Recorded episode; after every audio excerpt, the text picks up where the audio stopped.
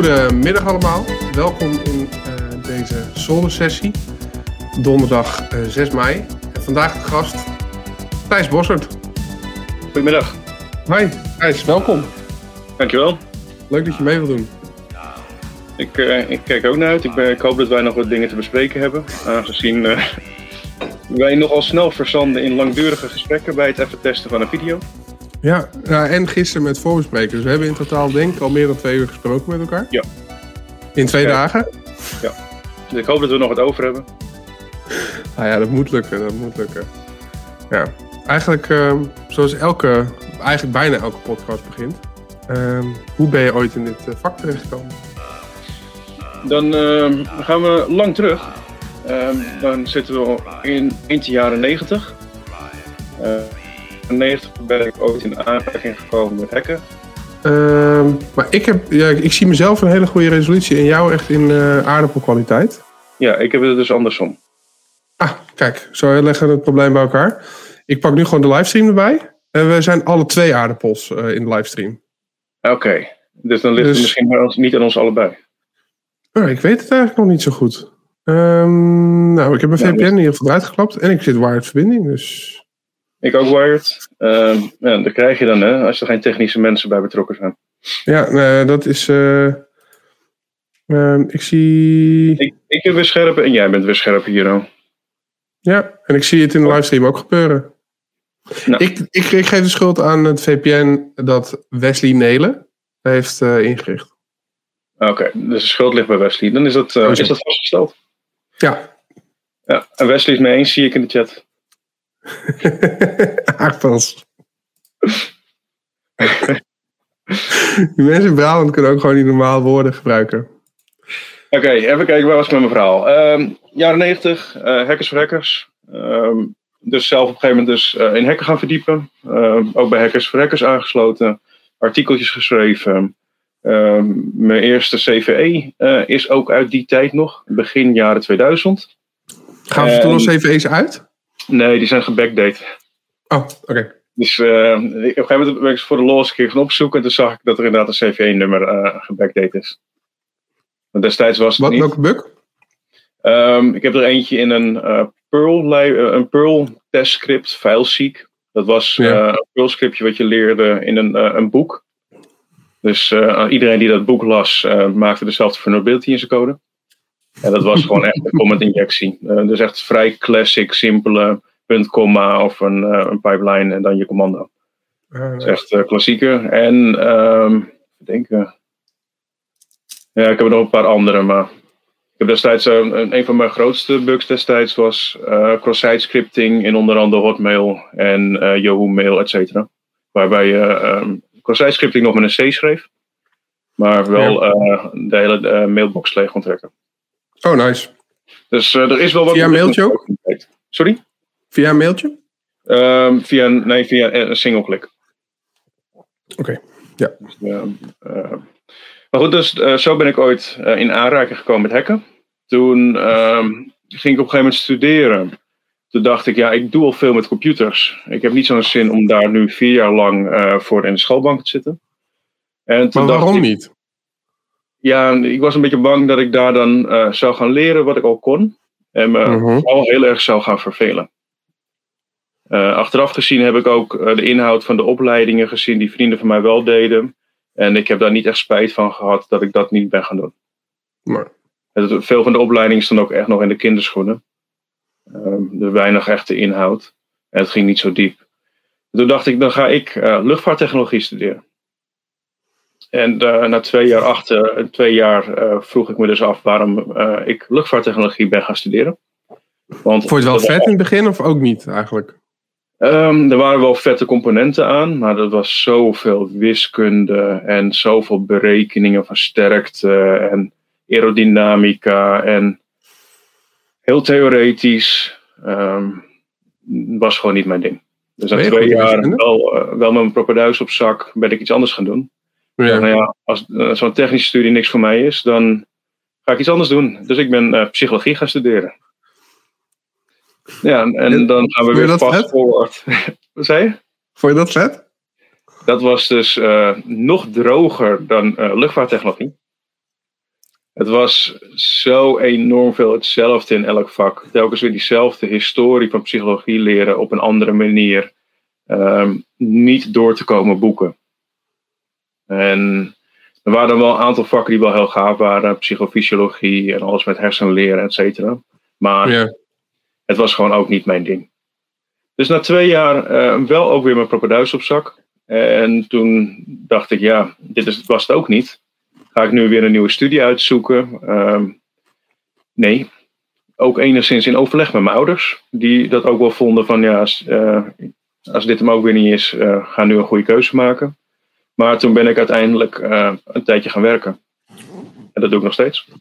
En eh, dat betekent wel dat ik ben gaan werken, ehm, niet in de security meteen, maar met, ehm, eerst met, ik, op een gegeven moment, ik ben een tijdje werkloos geweest, op een gegeven moment solliciteren op alles.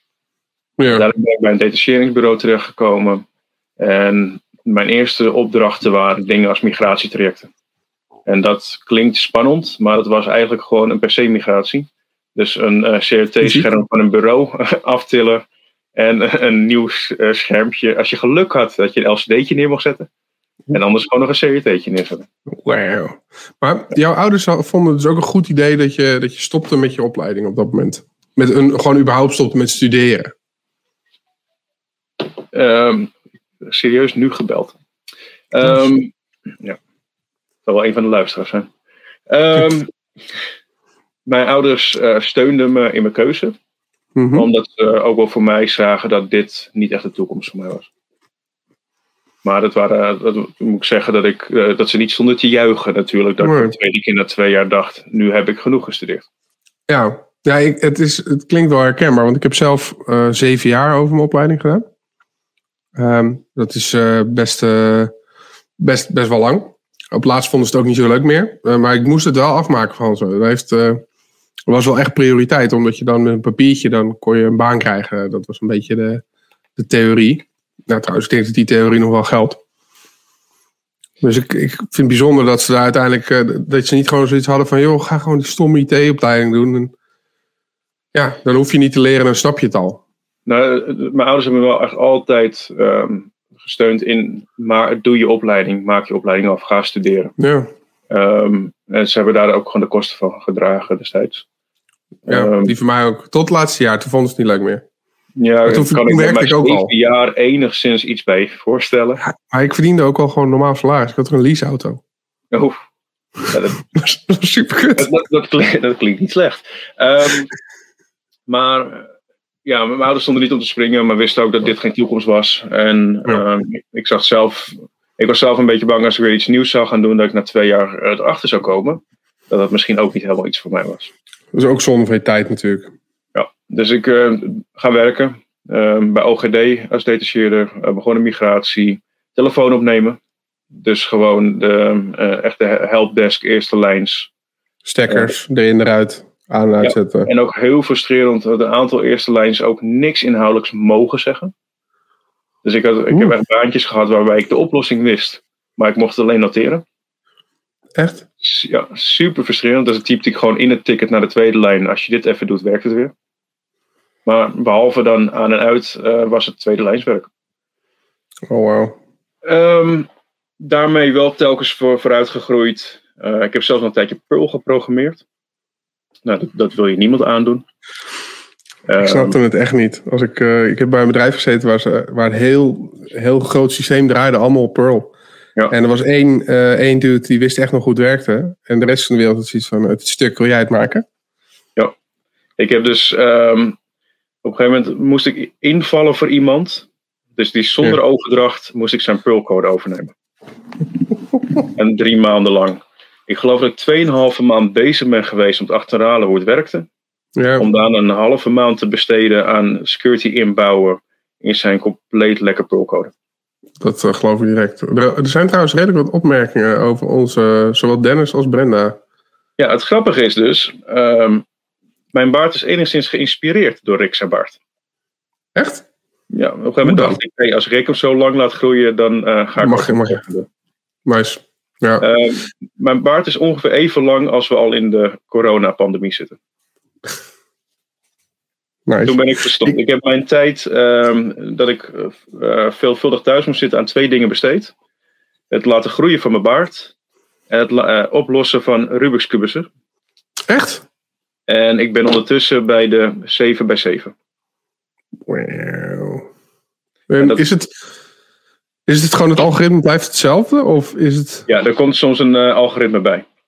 Dus, eh, maar uiteindelijk ga je altijd weer terug naar de basisalgoritmes. Het is echt eh, trucjes uit je hoofd leren. Dus eh, als Ja. ik ermee bezig ben, ben ik niet heel erg aan het puzzelen. Ik ben gewoon de trucjes achter elkaar aan het doen.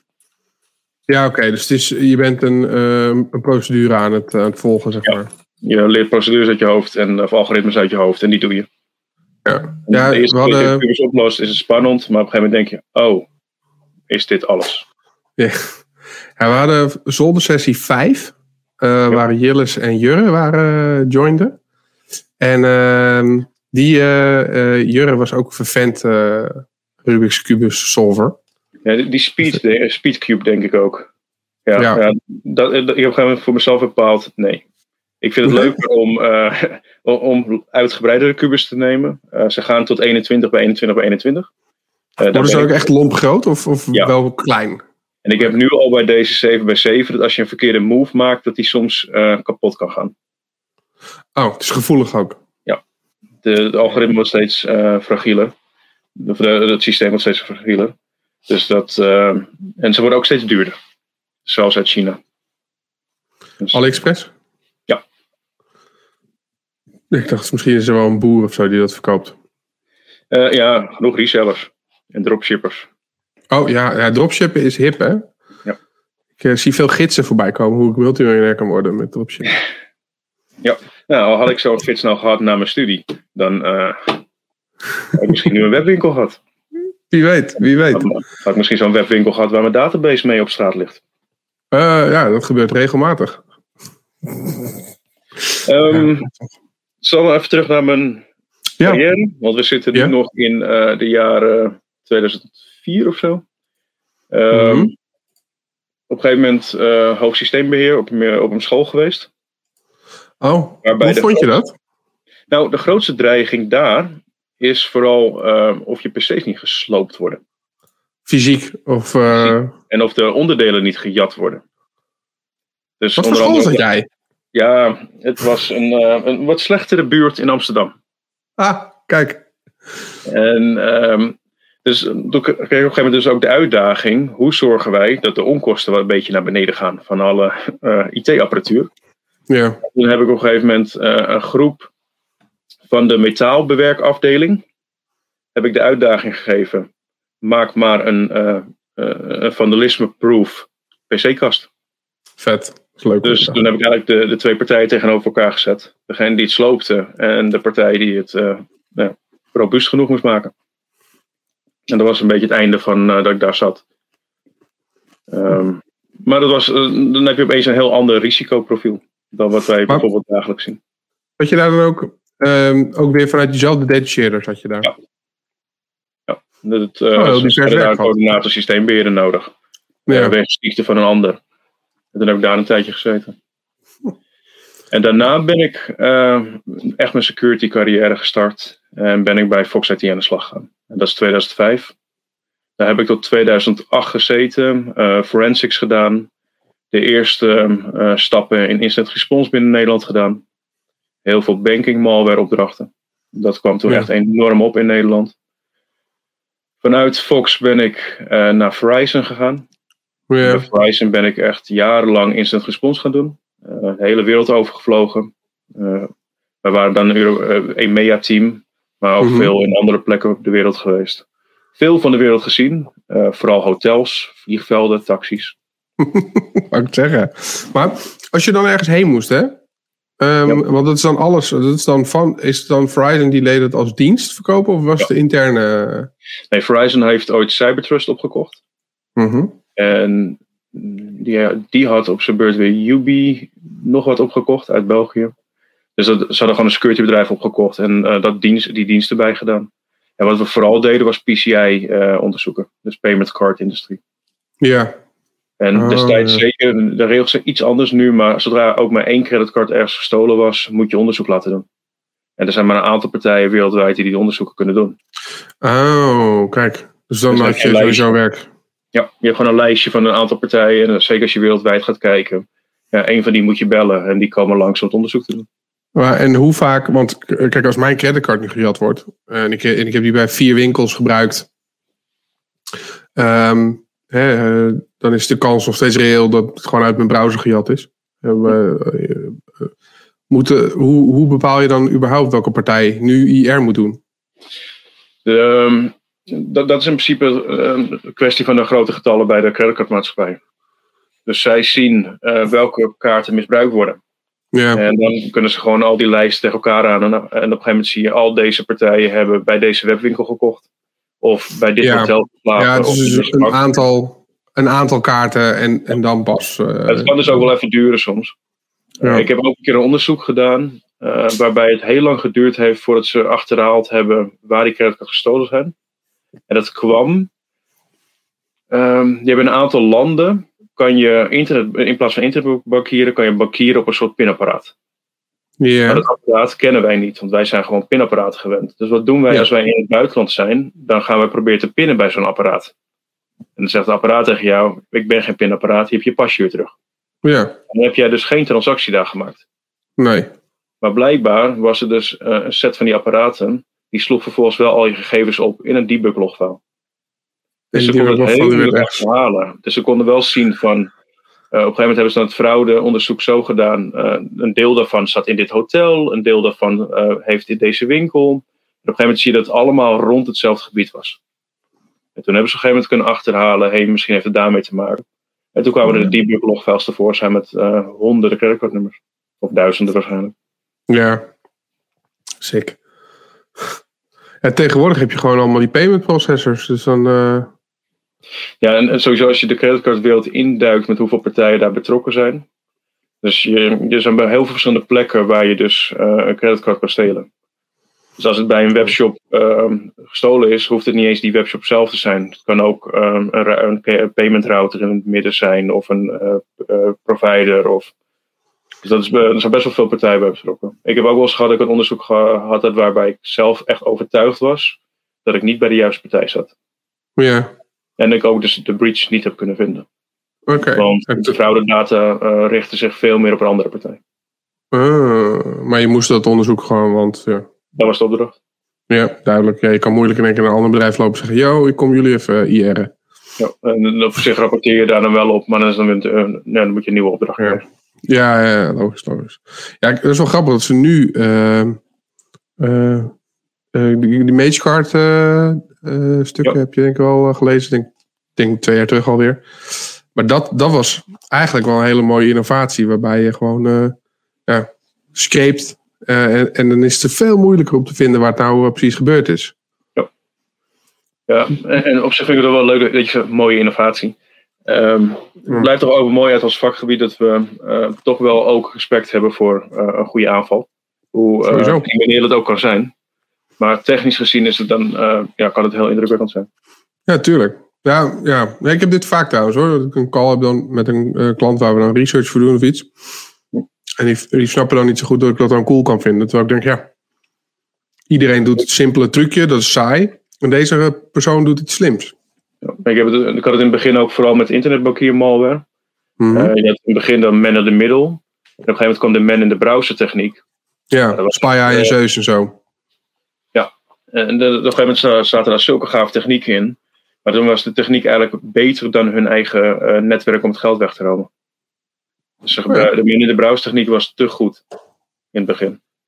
Hadden ze te veel geld wat ze niet weg konden sluizen. Juist.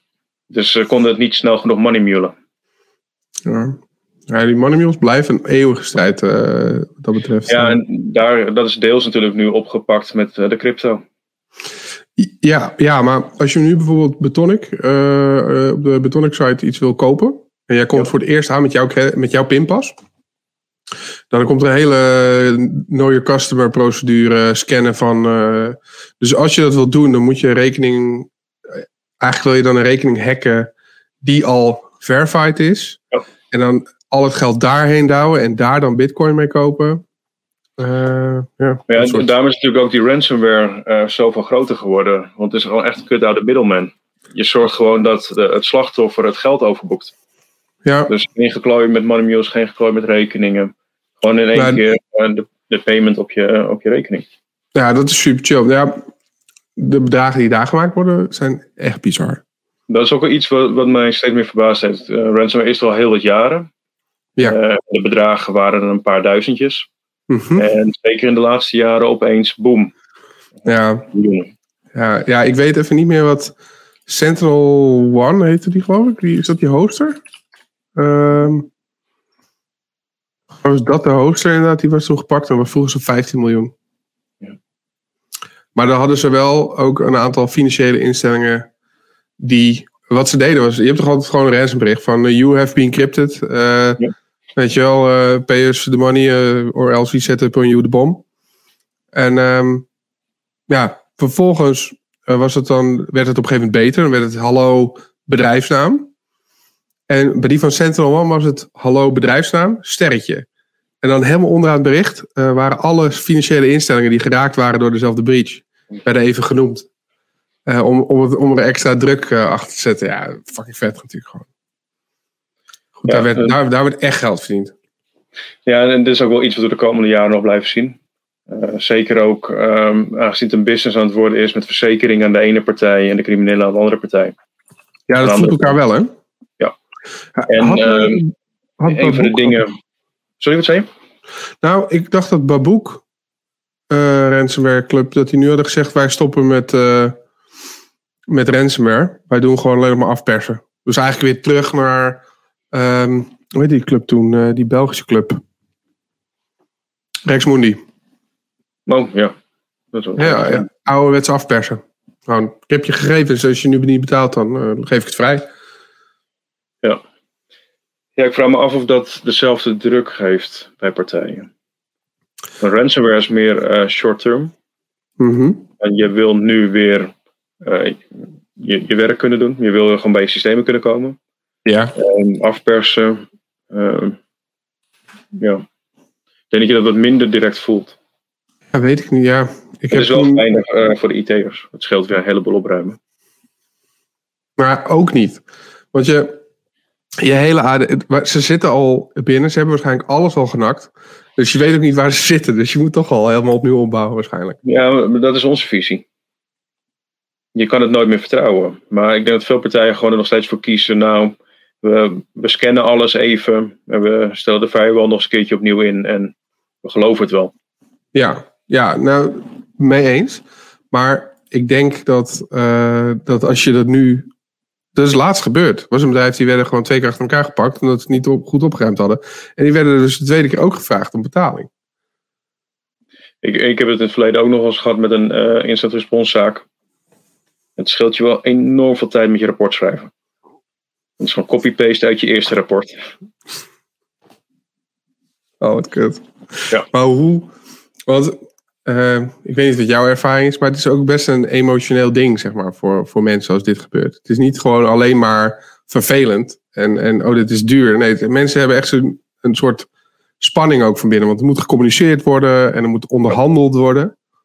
Ja, en dat is dus ook uh, waar jouw rol als ervaren instant responder uh, echt een bijdrage kan leveren. Want doe je, je helpt ook mee bij de communicatie. Je zorgt ook dat op de juiste manier actie wordt ondernomen. Uh, ik geef ook best wel veel presentaties hierover. En een van de dingen die ik ook altijd zeg. Je kan nooit zeggen er is niks gebeurd. Zodra er iets naar buiten lekt, is, moet je niet je eerste persbericht zeggen. Nee, er is niks aan de hand. Nee. Want daarvan terugkomen is gewoon niet te doen. Nee. En dat is heel simpel. Zeg dan dat je iets in onderzoek hebt. Dus dat je nog niet precies Ja. de, de impact weet. We zijn het onderzoeken, externe partij bij uitgenodigd, et cetera. Ja, En je nou, dan, er is niks aan de hand. ja, eh, ik bedoel, als we dan kijken nu alle kabels, eh, niet al te lang geleden. Ik heb Ja, toevallig eh, mijn presentatie geüpdate met de reactie van alle kabels. Nice. Want het- dit is een schoolvoorbeeld van hoe je het niet moet doen. En Ja. ook ja, liegen over de impact. Dus alleen de 5000 man eh, eerst eh, bekennen omdat je daar niet onderuit kan. Om dan vervolgens eh, elke keer als er iets naar buiten komt weer een klein stukje te vertellen. Ja, En, en zelfs in het laatste bericht, de laatste mails die iedereen hebben gestuurd, liegen ze nog steeds over de impact. Ja, ja nee, het, is, het is serieus mega shady. En ik ben dus ook heel benieuwd wat de AP hiermee gaat doen. Ja, ik ook. Zeker aangezien de hoeveelheid ehm, aandacht dat in de pers heeft gehad, hoop ik dat de AP hier niet omheen kan om hier onderzoek naar te doen. Volgens mij hebben ze ook al gezegd hoor, dat ze er iets mee wouden gaan doen. Maar weet ik niet zeker. Ik dacht dat ik zoiets op Twitter las ergens. Weet je wat het is? Ik weet nog dat we. Ehm, ja, we zitten. Ik, zit in, uh, ik ben aan het bellen met uh, Daniel. Uh, en Daniel die heeft dit aan de hand. En die helemaal aan het begin. En die zegt van ja, ik ga met ze bellen en dan gaan we het even vragen. En ondertussen had ik, ik had hem al, ik had hem daarvoor geattendeerd op het feit dat, dat ik het, dat ik het gek zag in mijn mailbox onder dat alle kabelsadres. En dat ik ook al een ticket bij zat ingeschoten van, joh, niet oké dit. En um, toen kwam hij terug en zei hij, ja, ja het is, uh, toen hadden ze meteen een helemaal kant-klaar antwoord, zeg maar. En toen kwam het persbericht naar buiten, of tenminste, toen kwam ja, het nieuwsbericht van RTL ook naar buiten. En ondertussen zag ik op Twitter mensen die zeiden: Ik heb ook een mailtje gehad. En ik, maar het waren altijd mensen die al van tevoren hadden geklaagd. En op WhatsApp was ik met kennis aan het spreken die ook allemaal unieke adressen hadden. Die hadden ook allemaal een mailtje gehad. Maar andere bekenden van mij die sowieso bij die winkel ook kochten, maar die hadden geen mail. Dus het was, hoe groot is de kans dat ik acht mensen ken eh, die allemaal in die breach zaten, terwijl het maar om 5000 users ging van de 3 miljoen of zo? Die kans, dat, ja, ik ben slecht in wiskunde, dus misschien is die kans heel hoog hoor. maar, ik, maar voor mijn gevoel, dus ik zei toen tegen Daniel, klopt gereed van. Klopt gereed van, uh, maar volgens mij is het lastig aantonen dat ze liegen. En, nou, toen was die database, uh, die kwam op een gegeven moment ook uh, weer later in zicht. En toen bleek gewoon... ja, en dat, dat ze ook destijds um, de keuze hebben gemaakt om het te proberen te downplayen. Terwijl ze eigenlijk al hadden kunnen weten, uh, elk moment duikt die database op. Of ze hebben ook gewoon intern totaal geen goed onderzoek gedaan. Ja, ik weet niet. Het, het is zo. De, ik, daar twijfel ik dus aan. Omdat op dat moment die database al aangeboden werd. Op, uh, op reetforums. Dus het stond er al. En, en, dan kan je nog zeggen, ja, dat is niet waar. Um, hè, uh, maar dan kan je kijken, want er werden bij, op, op die forumpost werd ook de, uh, structuur getoond. Dus ja. dit zijn de kolomnamen. Dus dan kan je op zijn minst even kijken, heb ik die kolomnamen ook? Dus het, ik, ik snap, ik zou bijna denken dat er een soort miscommunicatie in het bedrijf is geweest. Waar het gewoon niet goed ging. Um, want... Nee, de, de, respons was hoe dan ook slecht. Um, ik weet niet of er een externe partij bij betrokken is, dat ze het zelf hebben gedaan. Ja, dat was, dat was dat ik toen druk was. Want ik, ik zag het toen dacht ik, oh, zou ik zo anders eens bellen? Misschien hebben ze wel hulp nodig. Maar toen ben ik het uh, ja, vergeten. Ja, zo gaat het een beetje met die, met die dingen. Maar misschien hebben ze daar wel advies in gehad hoor. Maar ja, kijk, als je natuurlijk ook als instant responder binnenkomt en het persbericht de deur al uit. Nou ja, dan, dan, dan, maak ik daar wel echt een opmerking over van misschien wil je daar nu al op, uh, op backpeddelen. Mm. Sowieso. Uh, en ook daar heb je wel echt communicatieadviseurs voor nodig. Mensen die daar echt heel goed in zijn. Mm. Maar ook je kijkt naar... Uh, over de emotionele kant. Ik denk ook dat het goed is uh, dat als je als responder daar niet in meegaat. En daar heb je ook wel wat ervaring voor nodig. Dat je daar wat afstandelijker en wat uh, professioneler in staat. Ja. Dat betekent niet dat je een lompe boer moet zijn, maar. Nee, nee, nee, maar. Um, stel nou, ja, je moet je voorstellen dat. Kijk, soms heb je gewoon een groot bedrijf. I don't know, KPMG of Sony. Dat, dat, is geen meer, dat is niet menselijk meer. Dat is gewoon mega corporate. Ja, maar als je natuurlijk een bedrijfje hebt wat... Ja, er is een directeur en die heeft het opgezet... en die heeft er zijn best voor gedaan. Een systeembeheerder, dat is zijn netwerk. Heeft hij ook zijn... Weet je wel? En dan wordt het wel een heel... Ja, gewoon emotioneel ding. Helemaal als je dan ook nog... Um, met een soort crimineel moet gaan overleggen... over wat je moet betalen om je spulletjes terug te krijgen. Al, als er geen backup is. Dat is ook, um, ik heb op een gegeven moment voor een MKB'ertje uh, een ransomware zaak moeten doen, dat was WannaCry. Ja. stond ik ergens uh, bovenop een zolder binnen een garage de 1U-server in een 19-inch rack uh, proberen te recoveren. Ja. Um, sowieso, mijn eerste ingeving was: waarom heeft zo'n kleine partij hier een 1U servertje in een 19-inch rek op zolder staan. En vervolgens uh, hadden ze blijkbaar backups. Alleen die backups werden elke nacht overschreven. En ze zijn er pas twee dagen later achter gekomen dat ze geraakt waren. Dus de backup was gewoon gewannacryed. En het kwam erop neer dat er gewoon echt niks meer te recoveren was. En WannaCry die crypt niet, ook al betaal je. Ja. Um, ik ben enigszins afgeleid door de comments. Van allemaal jaloerse mensen over onze bar. Ja, wou ik zeggen. Dus, uh, is Jeroen Herlaar toevallig uh, helemaal uh, smooth as a baby? Of heeft hij ook al een... eh, laatste keer dat ik hem zag, eh, ik, ik denk niet dat ik Jeroen met baard ken. Maar Kijk. Jeroen, als je nu eh, begint, binnen een jaar, Ja, en eh, je kan ook, als je het niet scheert, dan uiteindelijk zie je er gewoon uit als een eh, verwarde man die naar duiven schreeuwt. het, het Dus laat mensen ook weer meer met rust. Ja, het helpt met boodschappen doen. Mensen blijven een beetje op afstand. Sowieso. Een beetje, een beetje onrustig uit je ogen kijken. Niet boos. Gewoon dat je denkt van, kan, hij kan in één gaan steken. Dat, dat gevoel moet er uitstralen. Dat, dat werkt gewoon heel goed. Goed. Ik heb Eh, ook een voordat we oude foto nu van Jeroen Herlaar. Met, met babygezicht. Bij Fox IT. Ga je die nu delen? Of, eh? Ja, ik weet niet. Kan ik dat eh, nu? Ik weet even niet of ik dit makkelijk kan delen dan. Eens kijken? Het is jouw podcast, hè? Ja, man, man, man. Ik vraag altijd aan Erik hoe dit werkt, hè. Ik ben... eh, Share screen. Ja, wil je nou nu wel het goede sharen? Haha. wie weet, wie weet. Kijk, jeetje. Op, hoor, Jeroen. Nou, wou ik zeggen, een flinke dan, hè, bij voorkeur. Dus gewoon echt eentje tot aan, eh, ik zou zeggen, het tweede streepje van de, van de stropdas. Van het hier. Nou, of iemand die even in de tussentijd kan photoshoppen.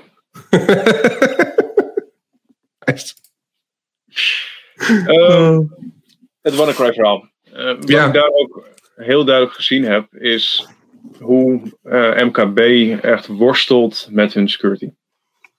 Hmm. En simpele dingen, semi-simpele dingen, als backups maken. I En know. ik heb heel veel awareness presentaties gegeven. En die probeer ik altijd echt op de basisdingen te houden. Zeker als ik voor MKB sta. En ik vraag ook iedereen die aanwezig is op diezelfde dag nog een backup te maken. Ja. Het hoeft niet heel uitgebreid. Pak een externe schijf, zet daar je belangrijkste dingen op. Leg dat ding in de kluis. Ja, dus je begint niet met Seamsock eh. Nee. nee. eh, Machine learning? zeker M- MKB en mijn andere advies is: gooi alles in de cloud. Ja, Niks on-premise. 100%. Zeker niet je lokale exchange server.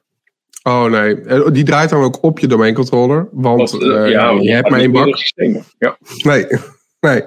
Ja, precies dit. Nou, het grappige is dus, ik heb eh, een tijdje geleden nog een keer advies gegeven aan een bedrijf. En die hadden, eh, die, die, die werden in het jaar, nou, ik, 20, 2016, denk ik, werden ze geadviseerd om nog een tape machine te nemen. En dan was de opdracht aan één iemand om het tapeje elke dag mee naar huis te nemen. Dus wat gebeurt er? Het tapeje wordt helemaal nooit mee naar huis genomen. Eh, weet je wel, dus uiteindelijk gingen mensen dingen dan laten liggen. En het werkte allemaal voor een moer. Overigens, goede vraag van Jan Los. Waarom toch die cloud? Ja, en dat is een afweging tussen. eh, het, ligt een beetje aan je risicoprofiel. Mhm. Je kan het beter goed geregeld in de cloud zetten dan slecht geregeld lokaal zelf draaien. Check. Dat is eigenlijk de grootste afweging. En met name die MKB'ers, die hebben Ja. helemaal niet iemand in dienst om dat goed te regelen. En dan of ze huren een partij in die dat dan eh, zeg maar doet voor ze. Ja, als die partij nog alles on-prem doet, dan vraag je ook af waarom is die partij er nog? Ja, en ook zo- zo'n partij zet het vaak neer. En that's it. Ja, nou Dus, precies dat. eh, ja, dus daarom de cloud. Het, het ontzorgt ook. En vooral bij MKB. eh, IT is, is hun vakgebied niet. En tenzij de MKB'er in de IT. Maar IT Ja, is hun vakgebied niet. En, eh, is hun vakgebied niet. En security is al helemaal hun vakgebied niet. Dus daar moeten ze Hmm. niet mee bezig zijn. Ehm, Moet gewoon dus werken. moet gebruik maken van producten waarbij het gewoon makkelijk is om dat soort dingen te beheren. Ja, ja. Eh, oh, goede vraag. Ja, Brenda, de hele wereld moet meer aandacht aan backups geven. Maar heb jij een oplossing kant en klaar die ook immutable is als jij dat AD hebt gehoond. Ja, en, ik ben nog op zoek. Het velende, het velende van backups is, backups zijn niet makkelijk. Um, een one-off backup uh, geeft je in ieder geval iets. Wil je structureel goede backups maken, wat ik zelf nu aanraad voor me, die mensen die een klein bedrijfje hebben, is bijvoorbeeld Arc Backup of Crashplan. Mm -hmm. Dat is yeah. redelijk betaalbaar. Crashplan is wat minder betaalbaar geworden. Uh, Arc probeert een beetje in het gat te springen. Dan heb je in ieder geval elke dag een backup. En waar gaat die backup heen? Bij Arc heb je, of je gooit hem in de cloud. Dus dan mm -hmm. hebben we weer de cloud. Maar hij wordt gecrypt op je eigen systeem. Oké. Okay. Uh, maar je kan hem ook lokaal backuppen naar een NAS. Of mm -hmm. naar een externe schijf. Of naar een andere computer. Oké. Okay. Dus als je ervoor als... kiest om het van drie verschillende plekken te doen, kan dat ook. Ja, maar stel nou eventjes. Ik heb Arc draaien op mijn ja. laptop hier, nu. En mijn bak wordt gehoond. Cats, alles wat erop staat, alles is gelekt. Um, kunnen ze nu, zeg maar, dan gewoon inloggen bij Arc en al die backups verwijderen? Of ook crypten? Wat Arc beweert, is dat het daartegen beschermt. Okay. Of dat in de praktijk ook zo is, uh, heb ja. ik nog niet getest. En uh, hierbij ook het verzoek om het niet bij mij te testen. Oké, okay, cool. Nee, ik, um, volgens mij zou je daar tegen beschermd zijn. Want ze weten ook vooral bij ransomware is dat natuurlijk uh, een van de modus operandi. Dan gooi je ja. al je backups weg. Nou, ja, dat hebben wij uh, ook letterlijk aan de hand gehad dat de backup server meegekript werd. Want het was gewoon domain join ding en ja, ja kon er ook bij. Off, offsite en het liefst uh, disconnected willen backuppen. En dan maak je het hele backup verhaal nog veel moeilijker mee. Ja, dus nou, ik weet er ook niet de oplossing voor. zou ik graag weten. Ja, nou wij hebben toen de tijd in de, in de recovery daarvan, hebben we dus een, een oplossing neergezet. Maar ja, dat is natuurlijk iets wat je one-off voor, die, voor dat bedrijf. Maar wat we toen hebben gedaan is, uh, ze hebben twee nassen. Die zijn sowieso niet domain joined. en de ene NAS zit gewoon in het normale netwerk. Daar gaat alles heen gebackupt. En die andere NAS, die heeft eigenlijk alleen een poolmechanisme van de eerste NAS. Dus hij trekt, hij mag alleen, en ook netwerktechnisch was dat afgesloten, dat er alleen dus opgehaald kon worden. En dan mirrorden we elke nacht uh, de, ja, de, de, zodat, zodat mocht die eerste NAS geoond worden, wat logisch is, dat ze nog niet in de tweede konden. Maar ja, als we natuurlijk de wachtwoord safe en dan de firewall editen en dan uiteindelijk toch, nou, dan ben je er weer. Dus het is, maar er is, het lijkt wel alsof er voor bedrijven niet echt een goede kant-klare oplossing uh, is. Nee, en ik zou het ook graag horen als iemand het wel weet. Ja, uh, same. Overigens over nassen, had je wel QNAPjes neergezet? Uh, het, het waren, ik weet niet meer wat het was. Dat heb Want, ik uiteindelijk heeft Theo dat gedaan. Afgelopen weken is QNAP behoorlijk geransomwared. alle ja, ja, ja, ja. Ja, wie had ook nog een zaak voorbij van, van gehad. Oh, echt? Uh, maar het was uh, qua aanval heel simpel. Het was gewoon een comment injectie. Ze schreven een uh, PHP-bestandje weg met daarin alleen maar een comment execution. Yeah. En ze deden een 7-zip, een 7-zip commando met daarin een random wachtwoord. Oh, niet standaard. Dus ze wisten aan, de, aan hun kant welk wachtwoord ze zetten. En als je betaalde, kreeg je dat wachtwoord. Oh, kijk. Dus er was ook niet veel aan te onderzoeken wat, wat er mogelijk voor trucjes te bedenken waren. Dus het is of je hebt een backup of je betaalt. Of je bent alles kwijt, mag ook. Door de techniek die ze gebruikten, omdat je natuurlijk eerst een 7-zip maakt. En daarna -hmm. hebben ze alle bestanden weggegooid, kon je redelijk goed carven. Oh, dus je kon nog een deel terughalen. Maar dan wel dus echt, uh, omdat een NAS is, een NAS-file systeem, uh, ben je wel echt allemaal echt puur aan het carven. Dus je gaat niet yeah. bestanden, maar ja, gecarvede bestanden terughalen. Oké, okay, oké. Okay. Maar in ieder geval foto's en zo zijn dan terug te halen. Het is alleen heel werk om het allemaal uit te sorteren. Ja, ja oké. Okay. Alles, alle structuur is natuurlijk weg. Uh... Maar is ook, wat ik dus ook de laatste jaren dus vooral gezien heb, is dat vooral MKB echt wel moeite heeft met een beveiliging goed doen. Um, en ik werd ook een beetje moe van alle awareness praatjes die ik daar telkens voor gaf. Ja. Vooral ook omdat ik dan elke keer hetzelfde verhaal uh, deed. En dan hoopte ik dat ze daar 10% van uh, onthielden. Uh, en op een gegeven moment hoor je jezelf gewoon hetzelfde verhaal vertellen. Daar had ik twee oplossingen voor. Ik heb mezelf op een gegeven moment laten opnemen als hologram. Ehm, en dus nu dan kan je nu een presentatie van mij bijwonen van de Kamer van Koophandel. Waar ik als hologram, of hologram op het podium sta. Ja. Ehm, heel vet. En heel vreemd om naar jezelf te luisteren. Dat je Lachen? jezelf op een scherm terugziet is één ding. Maar als je zelf als hologram op een podium heen en weer ziet lopen. Dat is helemaal vreemd. Weird. Oh, dat is wel dikkie. Ja, ik, kan mijn eigen presentatie niet aanhoren. Nee, ik kijk, ik kijk zelden terug. Ja, Ehm. En het andere wat, eh, wat ik ben gaan doen. ehm, eh, we lopen behoorlijk al snel in de tijd. Ehm, Oh, boeien. eh, ik ga even een stukje terug ehm, in wat ik allemaal doe. Ehm, zes jaar geleden ben ik escape rooms gaan bouwen. Mhm. Zoals jij weet.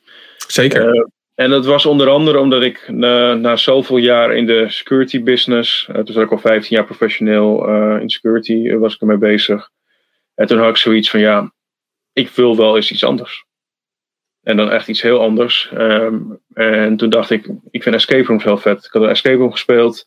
Toen dacht ik, ja, leuk puzzelen. Uh, samen met mm -hmm. een team bezig zijn. Um, strijden, goede tijd neer willen zetten. Toen dacht ik, nou, lijkt me ook wel heel vet om zelf een escape room te bouwen. En dat ben ik toen gaan doen. Um, bij een, uh, ja, een uitgaanscentrum. Uh, twee escape rooms gebouwd. En ook echt gewoon gericht op entertainment. Mm -hmm. Is super vet om te zien als je iets gebouwd hebt, hoeveel lol mensen daarbij hebben. Ja. Yeah. Het is super frustrerend om te zien omdat ze het daarna slopen. Ja, het is hufteproof maken is, is net als bij die computers op, de, op die school. Ik, ik, ik was weer helemaal terug in, uh, in de tijd, ja. En daar heb ik dus maandenlang uh, na het opleveren dus zitten knutselen. Hoe maak je dat allemaal hufteproof? Ja. En uh, dat begint met, ja, als iemand een klein beetje kracht zet. Maar op een gegeven moment ben je het aan het bouwen dat iemand met een voet tegen de muur en twee handen een schilderij van de muur trekt. Maar waarom dan? Dat, dat vraag ik me nog steeds af. Dat, maar, um, een deel is het omdat mensen um, uh, helemaal in het spel opgaan. Ja. Maar een deel is ook gewoon dat mensen niet zo goed. Een aantal mensen zijn niet zo goed in puzzelen. Dus ja. die blijf je dan zoeken. En dan is er niks meer te vinden. En dan gaan ze wat harder zoeken. En op een gegeven moment gaan ze wat meer kracht gebruiken. En ja, langzaamaan uh, ja, valt de hele kamer uit elkaar. Heftig. Er zijn ook dingen waarvan ik uh, onder, onderdelen. Heel simpel, een boek. Een boek kan jaren gebruikt worden. Kan jaren in de bibliotheek lenen. Ja. Maar in een escape room, een week. En dan flikkert de kaft eraf en de bladzijden is los, ja. Wat grappig, dat, dat die mensen dan zo fanatiek... Uh, want ik, ik heb nu één keer... Een, een, uh, tenminste, ik heb wel... één keer heb ik een escape room echt met zo'n thema, zeg maar. Ja. Uh, dan kwam ik in een, een huis terecht en... Nou, dat was op zich wel dik. Het was zelfs zo heftig. De open haard bewoog uiteindelijk uit van zijn plek. Ja. Zeg maar. Weet je wel? Dus dan kon je erin... Uiteindelijk als je de goede, de goede magische dingen... Dus het was super dik en uitgebreid. Um, maar ik merkte wel dat we heel fanatiek werden. Dus het, werd ook, het, het volume ging ook de hele tijd omhoog. Dus uiteindelijk zijn allemaal mensen aan het schreeuwen van... Ik heb dit! ik denk, nou, dit schiet helemaal niet op. Als, als begeleider van Escape Room zit je ook vaak mee te luisteren. Ja. En dan is het wel handig als iemand roept... Ik ga nu dat schilderij van de muur trekken. dan ben ik er wel blij mee dat ik dan, dan nog uh, in kan grijpen.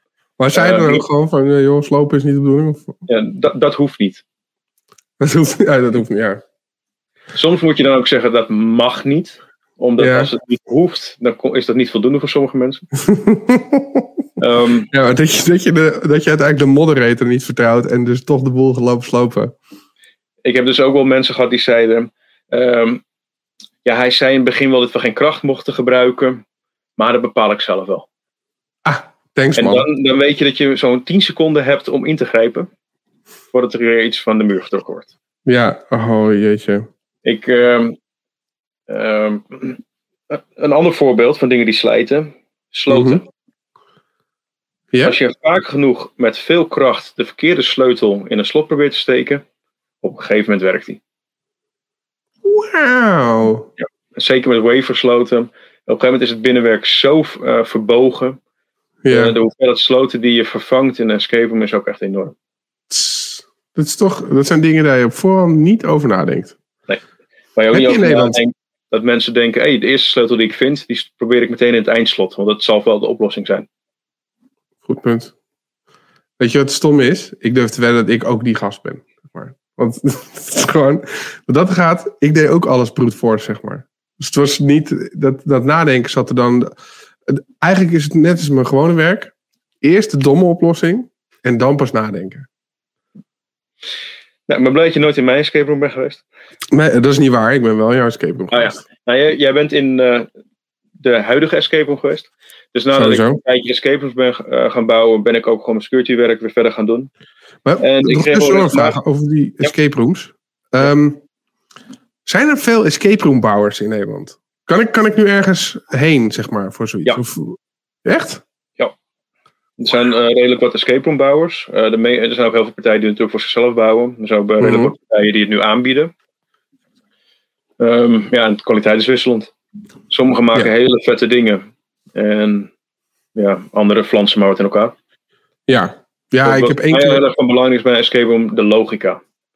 Er moet logica Mhm. in de ruimte zitten. Dus de, de volgorde van puzzels moet een logisch verloop hebben. Waarom Ja. iets op een bepaalde manier opgelost moet worden, moet logisch zijn. Ik heb ook wel eens gehad, ja, je had dat daar neer moeten zetten. Ja, ja, ja. Waarom dan? Ja, dat moet. Thanks, Hadden we daar dan aanleiding voor om dat te doen? Ja, nee, dat is leuk. Dat is leuk. Ja, ik heb ook een keer één keer een escape room gedaan. Dat was super nep. Dat was gewoon, eh zat ik het eigenlijk een soort wiskunde te doen en sommetjes op papier. Ja. Hé, hoezo is dit een escape room? Ja, dat is een mobiele escape room. Oké, dit vind ik kut. Ja, ik heb dus ook. ehm, eh, Stan Hecht zei ooit tegen mij: Ik heb een escape room gedaan. En dat waren puzzeltjes die ik gewoon thuis op de bank had kunnen doen. Ja, nou, dat is precies de dat. kwaliteit van zulke escape rooms. Als je Ja. inderdaad gewoon een paar papiertjes hebt die je mee kan nemen om ze thuis op te lossen, dan Mhm. eh, ja, is er weinig waarde aan de escape room. Ja, nou, precies dat. Precies dat. Eh, uiteindelijk ben ik dus nu de vakgebieden gaan combineren. Mhm. Dus ik heb nu een cybersecurity escape room. En die heb jij dus gespeeld. Zeker. Fysiek en digitaal. We hadden een hele mooie fysieke escape room. Sterker nog, die hadden we al vier keer. Dus we konden vier keer parallel draaien. Voor groepen tot zes personen.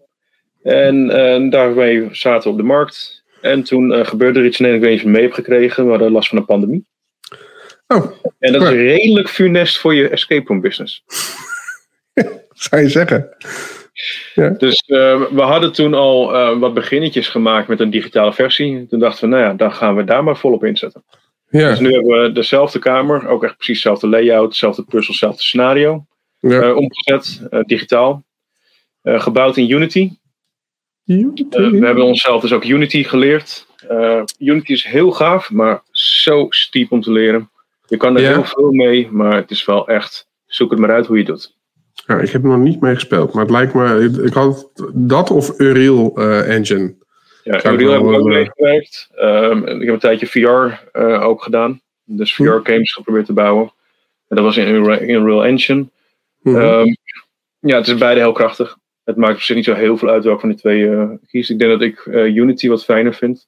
In Unreal programmeer je in C. In Unity programmeer je in C-Sharp. Of in C++ en C-Sharp.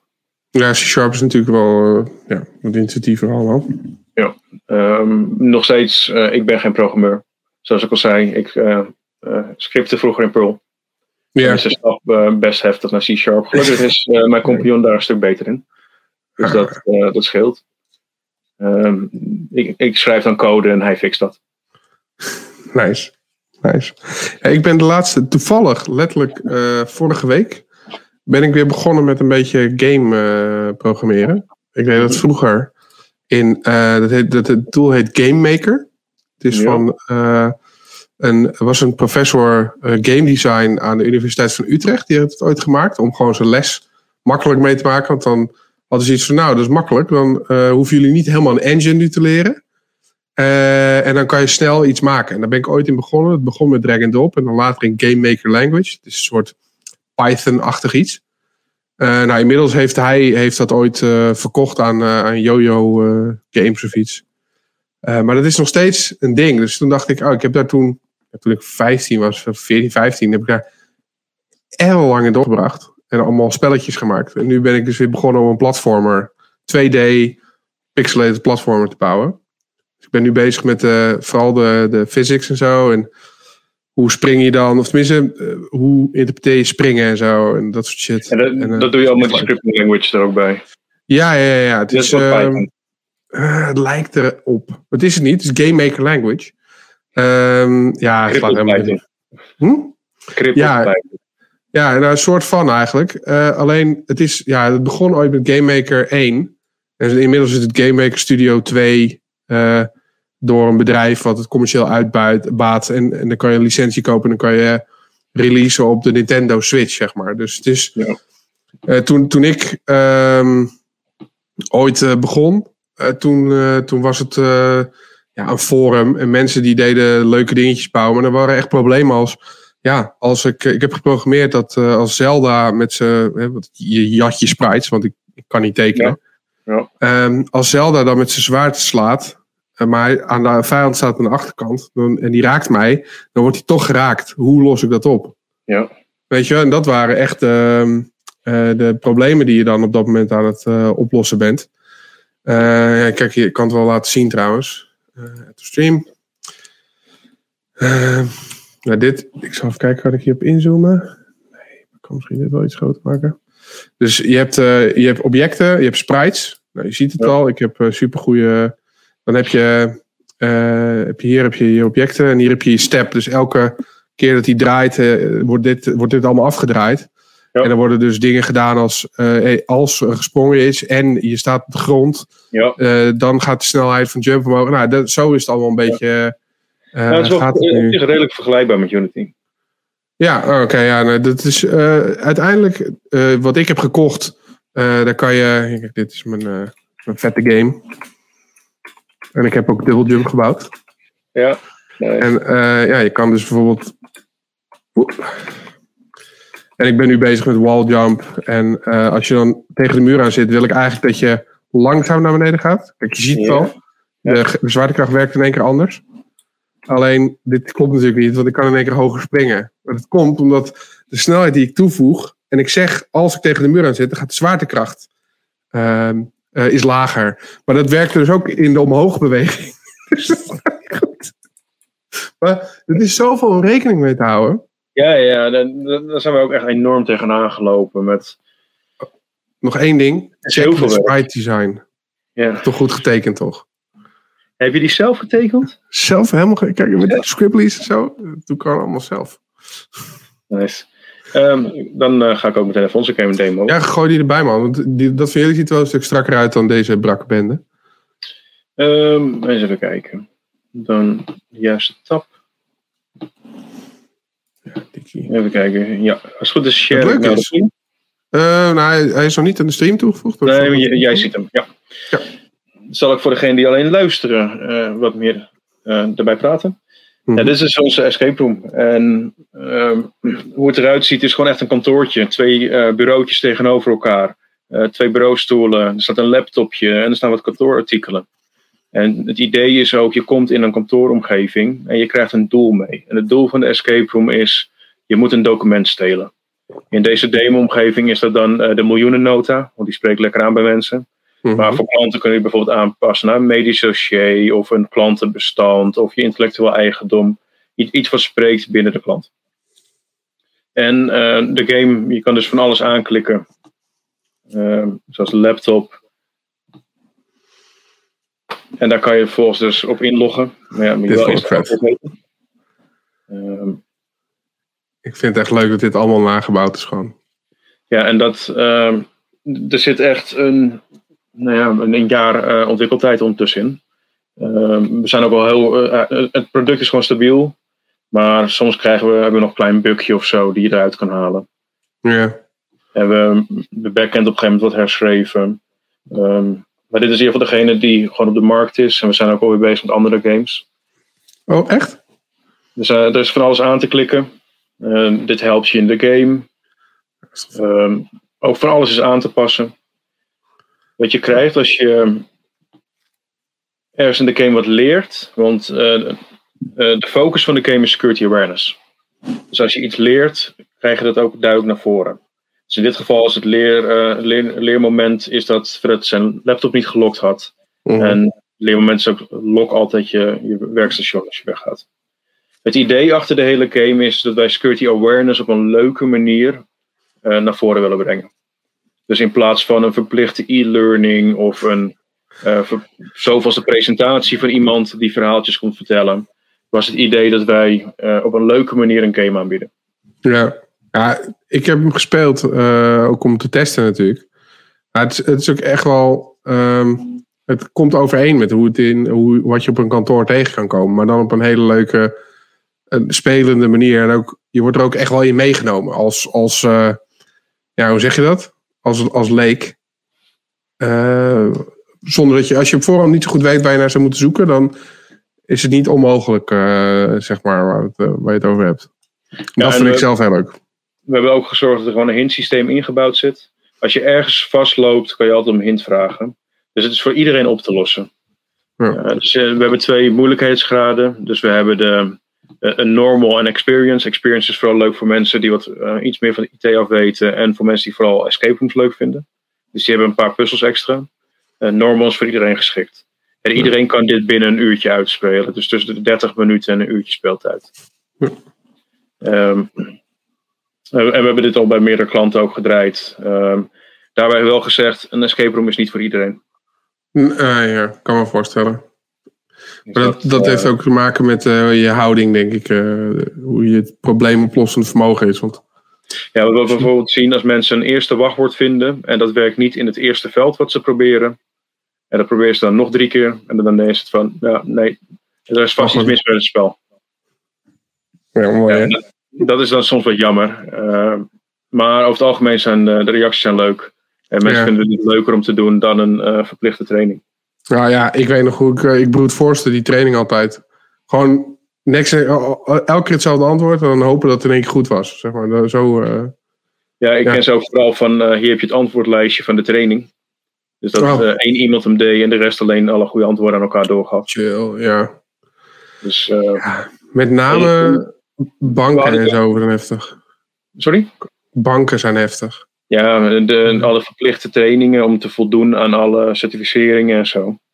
Iemand wil jou uh, geld geven om gegevens te, te, krijgen van de bank. Mag dat? Ja. Ja, goed. Ja, of de, de je, je krijgt een cadeautje uh, van een klant. Tot welk bedrag is dat acceptabel? Ja, I don't know. Gewoon, hè? Mag je die nieuwe auto accepteren? Tuurlijk. Dus ja, dit is uh, de huidige escape room. En Vet. dat is ja, naar ons maar, idee een leuke manier. Ja, hoe is deze gewoon? Kan ik nu gewoon cyberescaperoom.com of zo? Waar moet ik heen als ik dit wil? yes, de cybersecurityescaperoom.nl mag een streepje tussen, tussen de security en escape room, maar kan ook zonder. Oh ja, ik zie hem. En dan kom je op onze pagina uit. Ja, vet. Is dat... Welke laptop heb je gebruikt om dit te tonen? Is dat een Space Gray Mac? Nee, een uh, Dell XPS.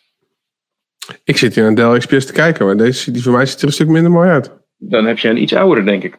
Ik heb die twee... Dit is, dit is, oh ja, Nee, dit is de Dell XPS 15 9500. En dat is mijn laptop. En ik heb spijt van dat ik hem gekocht heb. Ja, same hier. Uh, en vooral waardeloos touchpad. Het is echt is, niet te gebruiken zonder externe muis. Ja, ja, ik werk eigenlijk altijd met een externe muis. Ik zit nu gewoon heel gefrustreerd met die touchpad te werken. Echt waar? Oh, wat een drama is dat. Als je trouwens uh, de MX Master 3 van Logitech Great succes. Ik heb, een ik heb de, de, log, de, de Logitech, uh, ja, degene die meer op een kantoormuis lijkt. Maar dan wel met uh, laser. Ja, oké. Okay, ja. Eh, die MX Master is nog steeds een, uh, niet een gamingmuis. Maar voor, uh, voor, voor usability doeleinden, zeg maar wel echt. Ik zal hem even goed in beeld brengen. Even een shout-out naar Jillis. Jillis, de coin. High Void Warranties. Het is toch een, een super mooi geworden coin, toch? Super vet. Ja. Thanks, Jillis. Hij heeft een. Wat shout-outs aan het doen zijn. Ja. Oh, even een hatching. Uh, ja, ik heb hem ook. Ik ben helemaal blij mee. Ik gebruik hem heel vaak. Groetjes aan hatching. Ik heb hem nog niet heel vaak buiten gedragen. Oh ja, hij zit standaard in mijn jaszak. Dus ik heb hem uh, in de supermarkt en zo. Voor iedereen die nu overweegt om ook een baard te nemen, aangezien wij die allebei hebben. Ja. Ehm, een mondkapje zit echt een heel stuk beroerder met een baard. Ja. Eh, En- Vooral het stukje dat hij de hele tijd omhoog groeit. Dat je baard Ja. duwt hem de hele tijd weg. Ja, en heb je ook niet eh, dat, eh, dat je baard zeg maar dit doet zo onder je mondkapje vandaan? Dat, het ziet er ook gewoon dan, super eh, charmant uit. Als je boodschappen hebt gedaan, als je dan thuis komt, dat je baard nog steeds zo zit. Ja, ja, ja, ja stop, stop. En je hebt me eigenlijk ook de hele tijd gestoomd met je eigen adem. Dus het is ook, Ook dat? het werkt Ja. supergoed. Ja, Nee, nou, ik moet het, zeggen... we verkopen de baard wel op dit moment. Ja, nee, dat, maar ja, je ziet het, het is die woest aantrekkelijkheid die het uiteindelijk verkoopt. Niet zozeer de, eh, de, de, de, de nadelen die je dan af en toe hebt. Wie mooi wil zijn, moet pijn lijden, denk ik dan. Woest aantrekkelijk of woest onverzorgd? Eh, beide, beide. Maar dat is, dat is die charme ook. Het is zeg maar houthakker in 1920 in een dorp waar geen vrouwen zijn. Gewoon, er, er staat nog een bord langs de weg. precies de look waar ik voor ging. Ja, zie, ik ook. Ik zag toevallig laatst een foto van een oud, was in Amerika zo'n pioniersdorp, waar gewoon letterlijk stond eh, vrouwen gewild. Die, die, was gewoon een dorp met alleen maar mannen. Die hadden zoiets van, alsjeblieft, kom bij ons wonen. Die werden gewoon helemaal gek van zichzelf. Ik heb wel zo'n bord overwogen in de tuin, maar Ja? Oh, ja. ik, weet niet of dat in deze tijd nog kan. Is, is Tinder anders? Het is alleen uh, analoog. Ik denk makkelijker te neg- negeren. Fair enough. nice. Goed, het gesprek wordt er niet heel veel sterker op. Ja, Ehm, vind ik wel. Had jij nog eh, onderwerpen die wij van tevoren in ons voorbespreken allemaal hadden be- benoemd? Zeker wel. Eh, kijk, uiteindelijk ehm, hebben we sowieso je, de carrière hebben we een klein sprongetje gemaakt. Dat is prima, want je, waar, ik, waar ik er wel nog over maak, want jij doet nu voor jezelf werken. Ja. Als zelfstandige. Ja. Die stap heb je denk ik zes jaar geleden gemaakt. Ja, precies zes jaar geleden deze week. Kijk. Tevreden? Ja, het, eh, dat ik van de week een, eh, een spamberichtje kreeg van een of andere willekeurige partij die zei: Je bedrijf bestaat nu zes jaar. Eh, nou ja, als eerste juichte ik natuurlijk weer toe dat de Kamer van, Koopel je, Kamer van Koophandel je gegevens daarvoor verkoopt. Super tweede dacht ik: hé, hey, zes jaar. Ehm, ja, is me zeker niet slecht bevallen. Het was wel, in het begin is natuurlijk de vraag: hoe kom je aan werk? Mhm. Moet je vooral natuurlijk uit je eigen netwerk halen. Ja. Dat is wel goed bevallen. Ehm, en ik heb een paar hele leuke klanten gehad. Ehm, en ik, ik heb meer werk dan ik aan kan. En ik, ik heb vooral, het belangrijkste voor mij is de vrijheid te hebben om te doen wat ik wil. Vandaar dat ik dingen als de escape room ben gaan doen. Omdat ik het leuk vind om daarna te doen. Ehm, losse projecten die ik te, te plekke verzin. Om daar een tijd aan te besteden. Ehm, ja, gewoon. klanten. Maar, eh, en ik doe verschillende soorten werk. Ik doe en pentesting nog. Eh, ik doe ook incident response. Ik doe, geef regelmatig training. Ehm, ik doe ook lockpicking workshops. Eh, dus Heel divers dus. Ja. Eh, dat, is voor mij het belangrijkste. Doen wat ik Je- leuk vind. Je wil gewoon, ja, uiteindelijk is het gewoon doen wat je leuk vindt. En heb je dan niet af en toe, want eh, ik heb soms, als ik dan weer een pentest ga doen, die dan niet zo uitdagend is, dat je denkt van ja, oké, ik ga nu, nu het kunstje doen. En heb je dat niet, dat je af en toe daarin vervalt? Of heb je zoiets van, nou, dan neem ik die klus gewoon niet aan? Dat.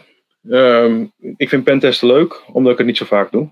Ehm, tenminste, ik doe het structureel genoeg om de kennis te hebben. Maar het is inderdaad niet dat ik het als enige doe. Het is vooral Ja. die afwisseling die het werk leuk maakt. Je hoeft mij inderdaad niet eh, maandenlang achter elkaar webapps te laten pentesten. Nee, Daar is het maar- niet de lol niet aan. Ja, nou, sterker nog, wij hebben nu, ehm, nu met Zolder juist dat we af en toe een klus eh, hebben. En dan denk ik, ja, ja, chill, weet je wel, nu mag ik weer. Dat is zeker. Als je een tijdje niet gepentest hebt, is het weer leuk om eh, te pentesten. Ook om gewoon. Dan heb je die drive weer om iets te vinden. eh, ja. Om je weer even waar te maken. ja, maar toen, ik van klus naar klus ging, Ja. vond ik het eigenlijk helemaal niet zo leuk meer. Nee, zeker niet als het allemaal prijsschieten is. Dat elke keer hetzelfde verhaal is. Ja, Eh, eh, het vervelende van prijsschieten is ook enorm lange rapporten typen. Om al je Ja. bevindingen te noemen. Eh, Ja. Aan de andere kant is het ook niet leuk als je een partij treft die het heel goed op orde hebt. Eh, dan kan het ook heel frustrerend zijn. ja. Want als, nou, als, eh, vanuit een hackersachtergrond wil je toch altijd jezelf bewijzen. agreed. Agreed. Ja, ik, ik moet zeggen dat afhankelijk van de partij is het ook wel of niet fijn om eh, dat ze het heel goed voor elkaar hebben. Want soms zit je gewoon, ja, En dan is een partij die, eh, die heeft het gewoon heel goed voor elkaar. En die, die weten dat ook. Dus alle findings die je dan op dat moment op kan leveren, is alleen maar, oh, dat chill, dankjewel, weet je wel. Wij zijn hier blij mee. Uh, en, maar soms is het ook gewoon uh, dan, dan een, ja, zo'n sfeer dat je, oh, je, hebt niks, je kon niks vinden. Nee, je hebt het gewoon goed voor elkaar, weet je wel. Dus er, er is niet zoveel te bevinden. Of de scope is heel klein. Ja. Een beetje op die manier. Maar dat hangt ook een beetje van de opdrachtgever af. Ja, en ook het doel van de opdracht. Als je een pentest moet doen waarbij ze gewoon echt willen weten hoe het met de beveiliging staat, is iets anders dan we hebben een vinkje nodig. Ja, maar dat sowieso. Ja, ik heb heel lang geleden een keer geprobeerd een blog te schrijven over uh, het bestellen van een pentest. Uh, dat, uh, in mijn hoofd was het heel duidelijk. Dat kwam er op papier niet, volgens mij niet zo goed uit. Maar het is, nog, het is echt een kunst om gewoon een goede test uh, te bestellen. En op de, ook de juiste insteek daarbij te hebben. Dat is helemaal niet zo makkelijk. Nee, en een van de dingen die ik vaak doe, is dat ik timeboxed werk. Ja. Waarbij ik uh, dus echt gewoon tijd gelimiteerd ben. En niet mhm. zozeer alles wil vinden. Maar dan geeft ieder van partij een veel beter idee van waar, ze nu staan. Yeah. Dat ze daarna een betere inschatting kunnen doen waar ze hun tijd en geld aan willen besteden. Ja. Want als uit die eerste paar dagen al naar voren komt dat uh, er heel veel moet gebeuren, heeft het niet heel veel zin om verder te pentesten. Ja, dat je dan een test doet van 30 dagen waar een mega-rapport aan komt. Dan kan je beter drie dagen hebben. En in drie dagen heb je eigenlijk uh, 90% van de bevindingen van wat er structureel mis is. Ja. En dan hebben ze daar genoeg aan om dat te doen. En dan kan je beter je tijd besteden aan de boel op orde krijgen. Mm Hetzelfde heb ik ook een beetje met red teamen. Er wordt heel veel red teaming verkocht aan partijen die daar helemaal niet aan toe zijn. Red teaming heeft pas nut als je al wat verder bent met je security. Ja, als er geen bloedteam is, dan is het niet zo zinnig om uh, heel hard te gaan red teamen, zeg maar.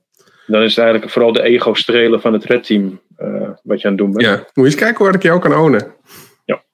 ja. En ik snap ook dat heel veel mensen willen red teamen. Uh, het werk is gewoon leuk. Ja. De, de waarde is er niet altijd. Nee, ja, het is gewoon voor hele grote bedrijven die, die het allemaal wat meer op orde hebben, is het hartstikke interessant om, uh, om daar wat mee te doen. Uh, maar goed, nu he, heet ook gewoon een pentest met, uh, met phishing aanval is tegenwoordig ook wel een red teaming test. Hè? Dus uh, ja. dat is ook weer, die, raak, die term raakt ook verwaterd, heb ik het idee. Ja, zeker mee eens. Ik ben, ik ben ook benieuwd hoe wat de volgende purple teaming, ja, dat was het al ja, natuurlijk. Purple teaming begint nu al steeds meer naar voren te komen en ik denk dat weinig partijen die echt die meerwaarde bieden van echt purple, purple teaming. Er zijn er een aantal spelers in Nederland die het wel hebben. Ja. Maar ondertussen probeert iedereen de buzzword weer erbij te pakken. Ja, ja maar dat is het ding. Hè. Uiteindelijk zijn er dan uh, twee of drie partijen in Nederland die het echt kunnen. En de rest die, die uh, hebben een sales team in marketing. Ja, ja dat is ook ja. wel super. Uh, dat, dat merk ik wel. als kleine partij, als kleine speler. Mm -hmm. ben je het soms gewoon niet van een sales team.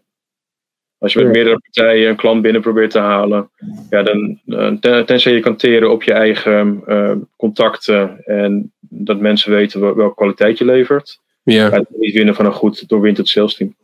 Nee, nee. En die hebben uiteindelijk ook. van de klant, maar. Ja. Maar wat ik, wat ik daar zelf ook aan merk soms, is dat er soms keuze gemaakt wordt. Uh, niet zozeer voor het beste aanbieding, maar gewoon: oké, okay, ja, ik heb nu de, de, de beste partij gekozen.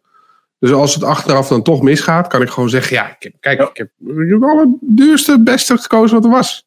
Ja. Wat, had je, wat had ik dan moeten doen? Weet je wel? Dus, dus een soort indekken van de opdrachtgever ook. Uh, ja. Uh, ja.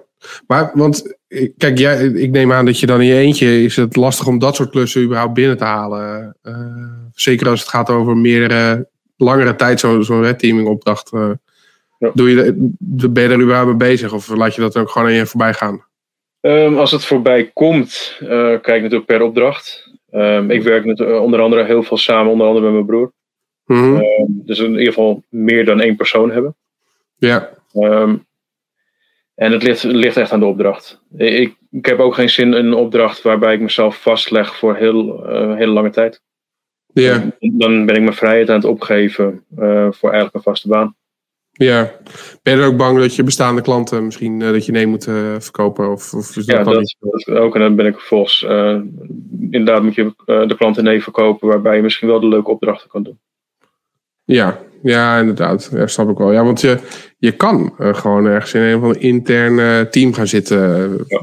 En dat is ook wel zeker niet waarvoor ik ben gaan ZZP'en. Nee. Dus dat, nee, dat, merk ik soms. Dat sommige mensen dat gaan doen. Zodat ze dan gewoon hetzelfde ja. kunstje gaan doen. Maar dan voor heel veel geld.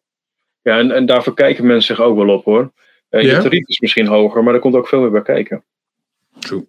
Um, de bedragen die je ontvangt zijn inderdaad hoger. Maar als jij ziek bent, dus als, uh, als je de pech hebt, wat ik had uh, op 1 december een positieve test van corona. Mm -hmm. En ik heb volgens long covid gehad, dus ik ben daar echt maandenlang heel erg moe van geweest. Ja. Dan betaal je dat zelf. Ja. En op het moment dat je ziek bent in dienst bij de baas, dan bel je gewoon, ik ben ziek. Ik ben ziek, laat pik. En dat, uh, dat zijn wel dingen waar je ook rekening mee moet houden. Je moet niet blind staren op, uh, op het uurtarief wat hoog lijkt. Want ja. inderdaad, het uurtarief ook je eigen uh, lasten en je eigen pensioen. En Sowieso. wat doen de meeste ZZP'ers dus geen pensioen. Hoe werkt dat dan? Ja, daar kunnen we een, een hele po podcast los mee vullen. Maar, heb je wel AOW als ZZP'er? Ja, nou voor dat de wel. jaren dat je daar aan bij hebt gedragen. Draag je daar een bij? Je, je, je, krijgt, je krijgt AOW. Ik krijg AOW. Oké. Okay, je, dus... je, je, hebt niet je aanvullende pensioen. Nee, nee dat, dus als je geen pensioen regelt, heb je niks. Uh, dus je hebt sowieso AOW. En dan moet je voor jezelf een pensioen regelen. Doe je dat niet, val je dus terug op de AOW. En ik, heb, ik weet niet meer precies. Volgens mij is dat iets van 1200 euro of zo. Bruto. Het is geen vetpot. Nee, nee. Het ligt ook een beetje aan wat je gewend bent. Um, ja je, je moet gewoon een deel van je geld gaan sparen. Ja. En voor later, maar ook voor je uh, slechtere tijden. En dat ja. zie je nu dus ook natuurlijk. Een pandemie raakt heel veel mensen. Dan zit er weinig mm -hmm. vakgebied wat, wat minder geraakt wordt. Maar er zijn genoeg ZZP'ers in vakgebieden die uh, wel veel harder geraakt worden. En de ZZP'ers -hmm. krijgen vrijwel niks van de overheid. Dus, dan kunnen jullie ook niet aanspraak maken op die. die uh, wat ze, je hebt wel wat subsidies. Je hebt weet ik dat te zijn. Ja. Je hebt TOZO, maar dat is echt aanvulling tot aan bijstandsniveau. Oké. Okay. Dus als ja, jij dus, uh, een leuk bedrag per maand nu binnenharkt uh, en daarna naar de TOZO wil, moet je ten eerste dus helemaal geen inkomsten hebben. Mm -hmm. Het wordt aangevuld tot bijstandsniveau. Ja, okay. Dus als je zelf een klein opdrachtje hebt en je haalt het al, krijg je niks. Ja, ja, ja, ja. Niet bijgevuld tot het, uh, tot het niveau wat je normaal zou hebben. Mm -hmm. Dus je betaalt zelf. Zo, kostbaar. Ja, en dat uh, voor mijn gevoel ook enigszins scheef, aangezien heel veel andere uh, steunpakketten veel uitgebreider zijn. Mm -hmm. Dus uh, normaal personeel krijgt wel gewoon doorbetaald. Voor een groot deel vanuit de uh, overheid vergoed. En ja. ZZP zoekt het zelf maar uit. Dat is, hoort bij het risico. Dat is typisch hè? Want, maar dat is denk ik ook omdat het een grote groep is misschien. Ja, en er zijn natuurlijk heel veel schijn-ZZP'ers. En de overheid is niet zo van de ZZP'ers. Dus, um, ik zou denken dat ze daar wel voor zouden zijn, eerlijk gezegd. Er komt echt een hele uitgebreide vraag binnen.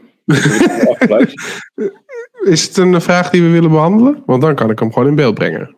Ja, verwachten.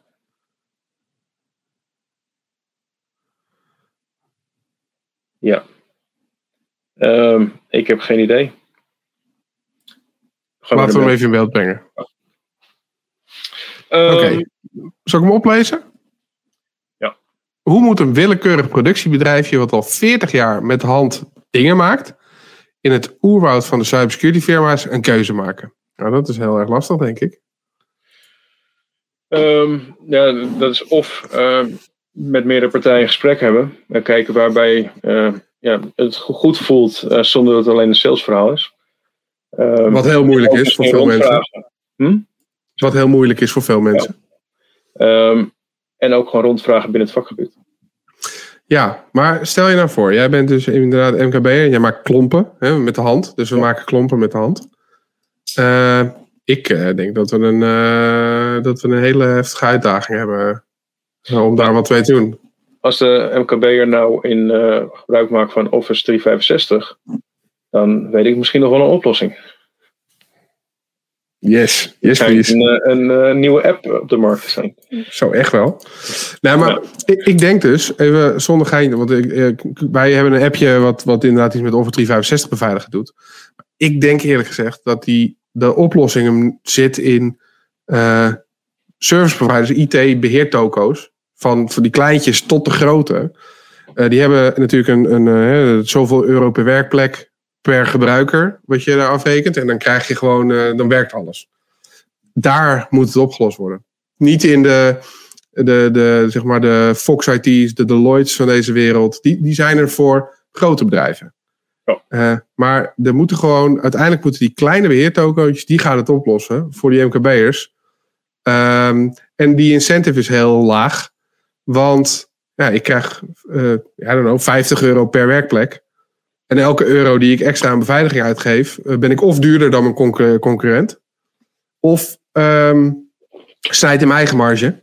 Uh, maar die, die kunnen het oplossen. Want jij als, als klein bedrijfseigenaar, je weet toch helemaal niet wat er überhaupt geregeld moet worden? Ik, ik zou het knap vinden als we weten dat er een backup moet komen. Ja. Nee, en, en, en ook daar weer, uh, niks zelf draaien, niks zelf beheren. Uh, zoveel mogelijk services gebruiken, oftewel of in de cloud, um, of een andere tussenpartij zoeken. En eigenlijk zorgen dat iemand je ontzorgt je moet niet met security bezig zijn. En dat is ook iets wat we vanuit de security wereld veel meer moeten uh, regelen nog. Security ja. moet een soort dienst zijn en niet een verplichting en iets wat lastig en vervelend is. Ja, met een afdeling en heel veel mensen en zo is allemaal moeilijk. Ja, ik, maar ik moet zeggen, zelfs dat gaat mis. Want ik heb een keer een testje gehad. Ah, dat was leuk joh. was een, uh, was een gemeente en die hadden hun hele infrastructuur ging naar de cloud. Alles. En uh, toen, uh, wij mochten een pentestje doen daarvan. En uh, we gingen die pentest doen. En uiteindelijk vonden we uh, domeinadmin creds ergens. Gewoon plain text in een filetje. Uh, ingelogd op de domeincontroller. En toen zag je dat er niet één, maar gewoon nog vijf andere bedrijven op diezelfde domeincontroller waren aangehaakt. En die hadden dus toen was er dus nou, een rapportje geschreven van nou, het is inherent onveilig, want als het, je bent onderhevig aan wat er bij de buren gebeurt. En dat is een risico en bla bla bla. Um, en toen kwam er dus een hele nare discussie met het hoofd clouddiensten. En die uiteindelijk zei van ja, maar dat is wel veilig. En nou, na een discussie zei hij ja, het is toch niet veilig. Maar wij, eh, in het contract staat dat wij mochten bepalen wat het niveau van security was. En wij moesten zorgen dat het veilig was, volgens ons. En, en toen dacht ik, oh wacht, dit, ja, hij heeft voldaan aan zijn contract op gore wijze. Ja. Maar er stond gewoon, zij moesten de security regelen op een manier die hun veilig achten. Ja, er is niet een. Zonder, ja, zonder standaard, zonder. Ja, ja, er is toch ook niet echt een. Wat voor standaard nee, hebben nee. we? Nee, ja, niks wat op een gegeven moment papieren tijger wordt. De, ja. ja. Dat is... ik heb natuurlijk jarenlang die PCI-onderzoeken gedaan. PCI-compliancy is heel erg lastig. In principe, ja. als je PCI-compliant bent, ben je veilig. Mm -hmm. Maar zodra je gehackt bent, ben je niet PCI-compliant. Dat is wel mooi. Ja. Uh, maar... dus, en wij vonden ook altijd wel dat het uh, totaal niet aan die compliancy was voldaan. Nee? Misschien op het moment van uh, dat de test gedaan, of in ieder geval dat er de review gedaan wordt, dat ze één dag compliant zijn. En daarna ja. niet meer. Ja, maar dit is natuurlijk, het beweegt natuurlijk ook gewoon de hele dag. Hè? Er ja. veranderen de hele dag dingen. Ik, wij merken dat nu. Uh, um, ik merk dat nu, vandaag was ik, uh, Yvonne is, uh, is er even niet. Dus wij moesten nu, uh, nu moest ik mijn eigen support doen voor de app.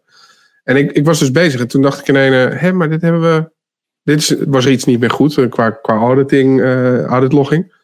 dacht ik, maar heb ik vorige week dat geregeld. oh, wacht, er zijn weer nieuwe users bijgekomen en daar is de, zijn de settings niet juist van. Dus ja, het was goed, maar nu is het weer fout. En dat, terwijl je, ik dacht, het is één keer regelen en dan is het klaar. Maar zelfs dat beweegt. Ja, en dat is denk ik ook wel weer een goed punt naar voren brengt. Ik denk dat binnen de security wereld uh, iets vaker ook van de andere kant gekeken moet worden. Het is heel makkelijk om altijd te roepen wat er fout is. Maar ga zelf maar eens een keer wat bouwen. Ja, het is echt maar eens een over iets niet alleen bouwen, maar ook gewoon inrichten. Of ga als uh, red teamer eens een tijdje aan de, uh, aan de blue kant zitten. Ja. Ja. Of als uh, pentester is een tijdje op een afdeling zitten die software moet opleveren. Ja, ja of support of een beheerafdeling. Ja. Ik heb dat het, daar, daar heb ik wel echt heel veel van geleerd van, van een goede beheerafdeling die dus wel ook het oplossende vermogen had. En die gasten die, um, die realiseerden zich ook gewoon dat zo'n advies van mij, dat dat, ja, weet je wel, ik, ik, ik leef in een utopie. Ja, dat moet je gewoon beveiligen. Moet, want niet veilig. Uh, en daar, zij realiseerden dat heel goed. En die zeiden dat dan ook altijd gewoon. Ja, we moeten kijken wat de impact is. Maar, en dan liet ze dat ook zien, hoeveel werk. Maar daar had ik het vorige week nog over met iemand. Zo'n finding van netwerksegmentatie is zeg maar één alinea van jou. Je moet je netwerk segmenteren, pik. Maar de impact is ja, immens. Een enorme redesign uh, en een architect die het allemaal moet gaan zitten bouwen. En vaak komt het er gewoon niet van. Nee, nou ik heb het dus één keer uh, meegemaakt dat ze het wel deden. En dat heeft uh, bijna een jaar geduurd om het te realiseren. Uh, maar als je daar nu dus binnenkomt, is het zo irritant om van netwerksegment naar netwerksegment te komen. En uh, op een gegeven moment had ik dan uh, code execution en dan wou ik Shell terug en die kwam niet terug, want nou, dat mocht helemaal niet vanuit dat segment. Dan dacht ik, oké, nou dan doe ik het via internet, maar dat werd ook weer. En toen dan, dan was ik gewoon drie uur bezig om dat goed voor elkaar te krijgen. In plaats van bam, zeg maar. En die drie uur maakte het er weer, ja, dan ben je weer allemaal dingen aan het proberen. Herrie, uh, extra logging, extra. het werkte supergoed. Maar ja, het was, het was een mega-investering. Ik, uh, en ik, uh, ik weet niet of ze, als ze dat nu die investering weer zouden moeten doen, of ze dat nog zouden doen. Uh, ik weet niet of ze daar zo blij mee zijn. Maar ja, dat is vanuit security oogpunt altijd makkelijk om iets te roepen. Ja, sowieso. En, uh, en sowieso is het ook uh, het stukje, het is altijd de schuld van een ander. Fijn aan pentesten. Dus dat, uh, ja, ik, ik denk de security markt ook nog steeds wel heel wat bij zichzelf te zoeken heeft om een betere dienstverlening te doen uh, en meer gebruiksvriendelijk te zijn. En vooral iets op te leveren wat een werkbare situatie creëert. Ja. En niet zozeer, je doet het fout. Ja, dat, dat, maar, want, ja, dat is dus iets wat wij nu zelf heel erg meemaken in die app. Omdat we, uh, ja, we constateren, maar we hebben ook een oplossing voor je.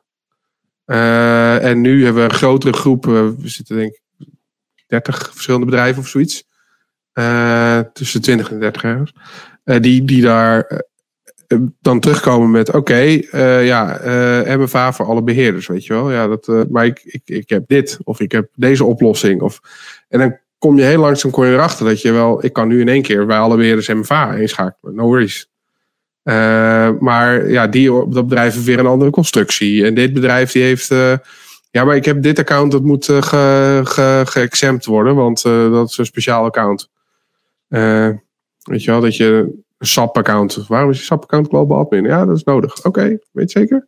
Um, maar de, dat soort gekke dingen. En dan kom je erachter dat die, die ideale wereld waarin het ontworpen is, die komt de realiteit tegen en dan werkt het gewoon niet altijd. Dus daar zijn we, zijn we, dat, daar hebben we een hoop van geleerd en bouwen we inmiddels al veel meer omheen. Uh, maar ja, als je, toen we in de ontwerpfase zaten, dacht ik gewoon, nou, dan voer je dat script uit en dan is alles goed. ja, dat, dat zou precies. Uh, er zouden meer mensen uit de security-wereld gewoon een tijdje de andere kant moeten kijken. Mm. Dat je ook ziet dat uh, utopie is er niet. het kost allemaal veel meer energie en moeite om iets, dat makkelijke fixje wat jij zegt, te implementeren. Ja. ja, wat dat betreft, als je nu, uh, volgens mij was dat Mubix die ook op een gegeven moment op, uh, op Twitter zei van ja, als je nou pentester wil worden, ga je eens gewoon een tijdje de uh, beheerder of developer zijn. Ja. En ik denk dat hij daar wel echt een goed punt heeft. Ik, wij hebben het meegemaakt met een, iemand die kwam bij KPN, toen bij KPN werkte. En die joinde het team en die gast die was ontwikkelaar geweest, maar was ook systeembeheerder geweest en netwerkbeheer en eigenlijk alles had hij gedaan. Um, en had al affiniteit voor security. die ging, um, dat hij binnenkwam, uh, was hij al, al handig, maar die ging als een speer uh, qua kennis en ervaring. Omdat hij al zoveel ja, allerhande kennis had. Uh, die, die misschien niet direct pentester werk zou zijn of zo. Maar wel gewoon ja, super nuttig. Hm. Dus wat dat betreft is het jammer dat, dat heel veel mensen nu uit schoolbanken komen en zeggen ik wil pentester worden. Ja, eens. Uh, je mist gewoon echt een heel stuk achtergrond. En je mist dus ook echt het hele, de, naast de technische achtergrond ook gewoon de realiteit. Ja, nou ja, zeker. Uh, ja, ik, heb, ik heb dan wel gedeft voordat ik uh, in ging. Uh, maar ik weet nog niet, ja, misschien niet genoeg nog. Ik heb daar ook heel lang de idealistische aanpak gehad uh, en ook veel te onrealistische adviezen daarin gegeven. Toch best wel een tijd. En soms zijn adviezen nog steeds ook om je in te dekken misschien wel. Ook dat. Ik, ik heb natuurlijk heel veel jaar instant respons gedaan. Mm. Dat is ook wel iets wat mij echt gevormd heeft van zien waar het echt misgaat. Dus niet dat theoretische dingetje wat uh, ergens uit naar voren komt, maar wat nou echt de impact is van bepaalde dingen. En waar je nou ja. echt aandacht op moet steken. En ook, dat zeg ik de laatste jaren, is dat voor mij vooral, uh, en dan uh, als je vooral over MKB hebt, is het um, zorg dat je je backups hebt. Ja. En grotere bedrijven is het eigenlijk gewoon meer ja, de hele Blue Team verhaal wat goed moet kloppen. Ja, maar heb je ook niet het idee dat je vrij sterk in je schoenen moet staan als je uh, een rapport, uh, bijvoorbeeld een rapport oplevert, waarin je dus eigenlijk alleen maar de belangrijke dingen benoemt en niet alles. Want als we dan achteraf terugkomen. Daarom heb ik een hele, hele uitgebreide disclaimer in mijn rapport. Ja, goed. Ja, eh, maar wat, wat, wat is ongeveer de strekking van die disclaimer dan? Ja, het ligt heel erg aan de opdracht. Mm -hmm. de meeste klanten willen gewoon dat je iets tijds gelimiteerd doet. Ja, tuurlijk. Dus en, geen budget uh, voor een oneindig grote test. Precies. Dus dan is dat in ieder geval altijd een deel van je disclaimer. Uh, een aanvaller met oneindig tijd uh, gaat meer dingen vinden dan een pentester. en ook als je een pentester wordt gelimiteerd aan wat hij mogelijk kan doen. Ja. Um, en dat, is, dat hoort ook gewoon bij dan de impact van zo'n test. Ja. En ja. in welke omgeving heeft hij getest? natuurlijk, ik test het liefst in een test, acceptatie of wat dan ook. Mhm. Maar als die niet één op één hetzelfde is als de live-omgeving. Ja, dan de live-omgeving. ook weer impact. Um, dingen veranderen. Dat zei je net ook al. Alles verandert. Dus als je uh, aanpassingen maakt na de pentest, heb ik dat ook niet getest. En dat klinkt heel logisch. Dat is wel iets wat je nog expliciet uh, bij sommige klanten hebt voorschrijft. Grappig. Die, die staat bij ons niet in de disclaimer volgens mij. Dat is wel nou, wel, omdat ik hem in de praktijk mee heb gemaakt. Ah, ja. Ja, ik heb op een gegeven moment gehad dat er een klant heel erg, die belde heel boos op. Uh, een paar weken na een pentest. Want ze waren gehackt. Hm. En uh, ja, dus, nou ja, goed, wij hadden allemaal fines van. volgens mij hadden we uiteindelijk in ieder geval shells op het, in de DMZ. En misschien ook nog wel via, het was een extern testje. En misschien ook nog wel via die DMZ het interne netwerk op. Dus gewoon dat je denkt, nou, ja, mooi testje. was een één app.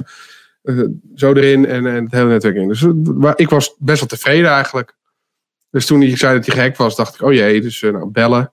Nou, wat bleek? Er had iemand responsible disclosure melding gedaan. de Hmm. X-frame options stond niet aan. Ja. maar dat liep zo hoog op dat uiteindelijk mijn manager daarheen moest om zijn excuses te maken. dat dat niet gerapporteerd was. en dit is precies waarvoor ik dat soort dingen rapporteer.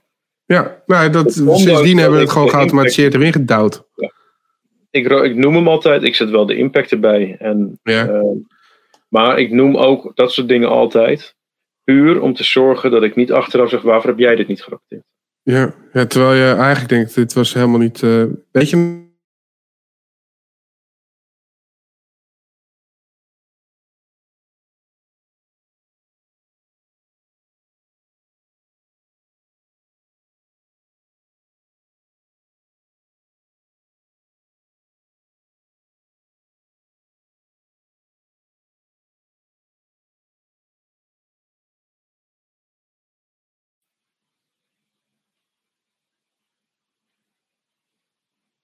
Ben ik nu alleen?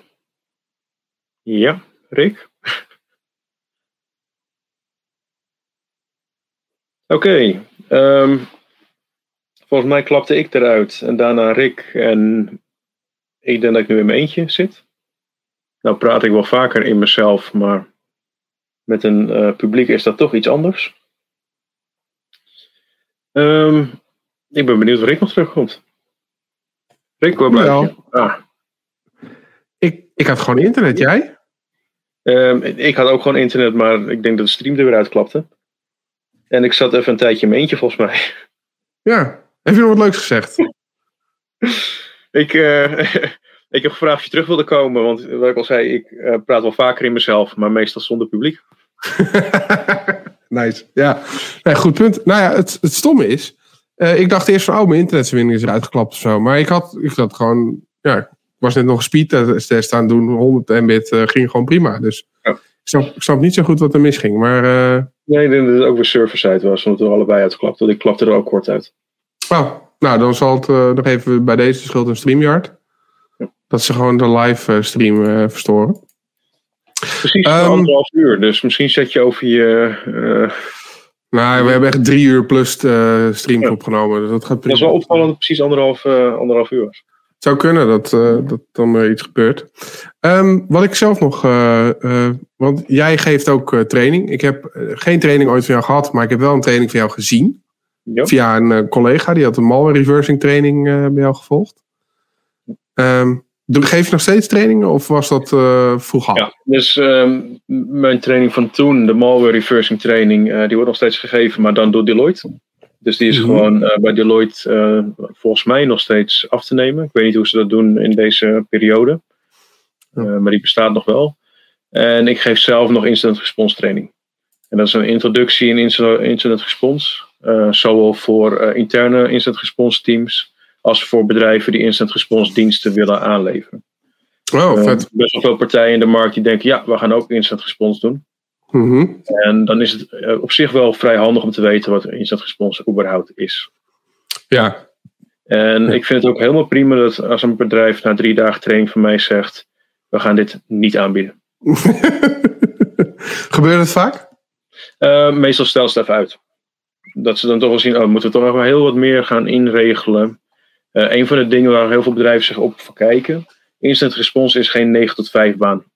Is geen maandag met vrijdag. Nee. Dus wachten tot er een incident binnenkomt. Het is altijd vrijdag trouwens. Het is ja. vrijdag tot en, met, tot en met maandag. Vrijdagmiddag na 4 uur niet je telefoon nemen. Um, dat is instant response. En als ja. jij dan net echt een hele week gewerkt hebt, en zeker als je dan gewoon door de week bijvoorbeeld moet pentesten, en dan vervolgens word je op vrijdagmiddag uh, gebeld of je het hele weekend instant response wil gaan doen.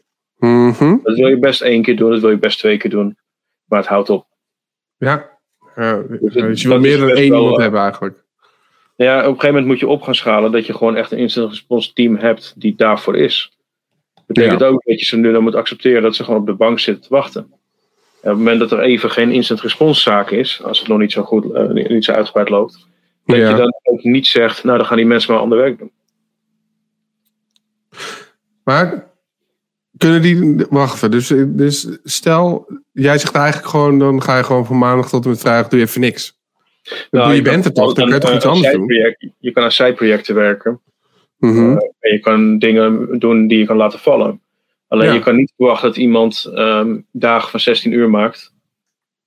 Uh, achter elkaar door en daarna het andere werk erop pakt. Ja, ja nee, dus dan, dan is degene moet gewoon even weg. Ik heb dus ook wel gehad bij partijen dat ik zelf uh, bijvoorbeeld maandag tot met woensdag drie dagen van 16 uur had gedraaid. En dat ik dan de vraag kreeg waarvoor ik donderdag en vrijdag geen acht uur had gedraaid. dat je moet elke dag je acht uurtjes maken. Oh, lekker menselijk ook. Dat is wel top. Ja. ja. Dus dat, um, Kon je dat dan wel uitleggen aan ze of, of snapten ze dat ook niet? Nou, de oplossing was gewoon om elke dag uh, je, je uren te verspreiden over de dagen. Ja, dat je gewoon het op die manier uitlegt. Ja, ja, ja. Dan ging er in SAP geen lampje meer branden. Oh, SAP. Ja, SAP is sowieso de root of all evil hoor, wat dat betreft. Jeetje. Ja, het onmenselijke met alleen maar naar cijfertjes kijken. Ja. Uh, instant response past niet heel goed binnen de rest van je business, omdat het zo mm -hmm. ad hoc is. Ja. Dat plan je niet in. Een pentest kan je een half jaar van tevoren inplannen. Een incident komt op vrijdagmiddag. Ja, nou, sorry. Maar ik heb het idee met vrijdagmiddag is ook gewoon dat, dat ze dan woensdag tot en met vrijdag hebben geprobeerd het zelf op te lossen. Nou, soms eerder, soms uh, wordt maandag ontdekt. Uh, zelf oplossen, klooien, kunnen we wel. Misschien moet er toch iemand bellen. En op een gegeven moment vrijdagmiddag van ja, we hebben het toch niet onder controle. We gaan nu iemand bellen. Ja, want ik wil ook weekend. En ik heb ook even maar een, iemand aan de lijn gehad. Ik zeg, nou ja, is prima, ik ben er morgen. neem aan dat al jouw mensen er ook zijn. Ja, ja. En dan is meestal het verzoek of je maandag wil beginnen. Ja, ja prima.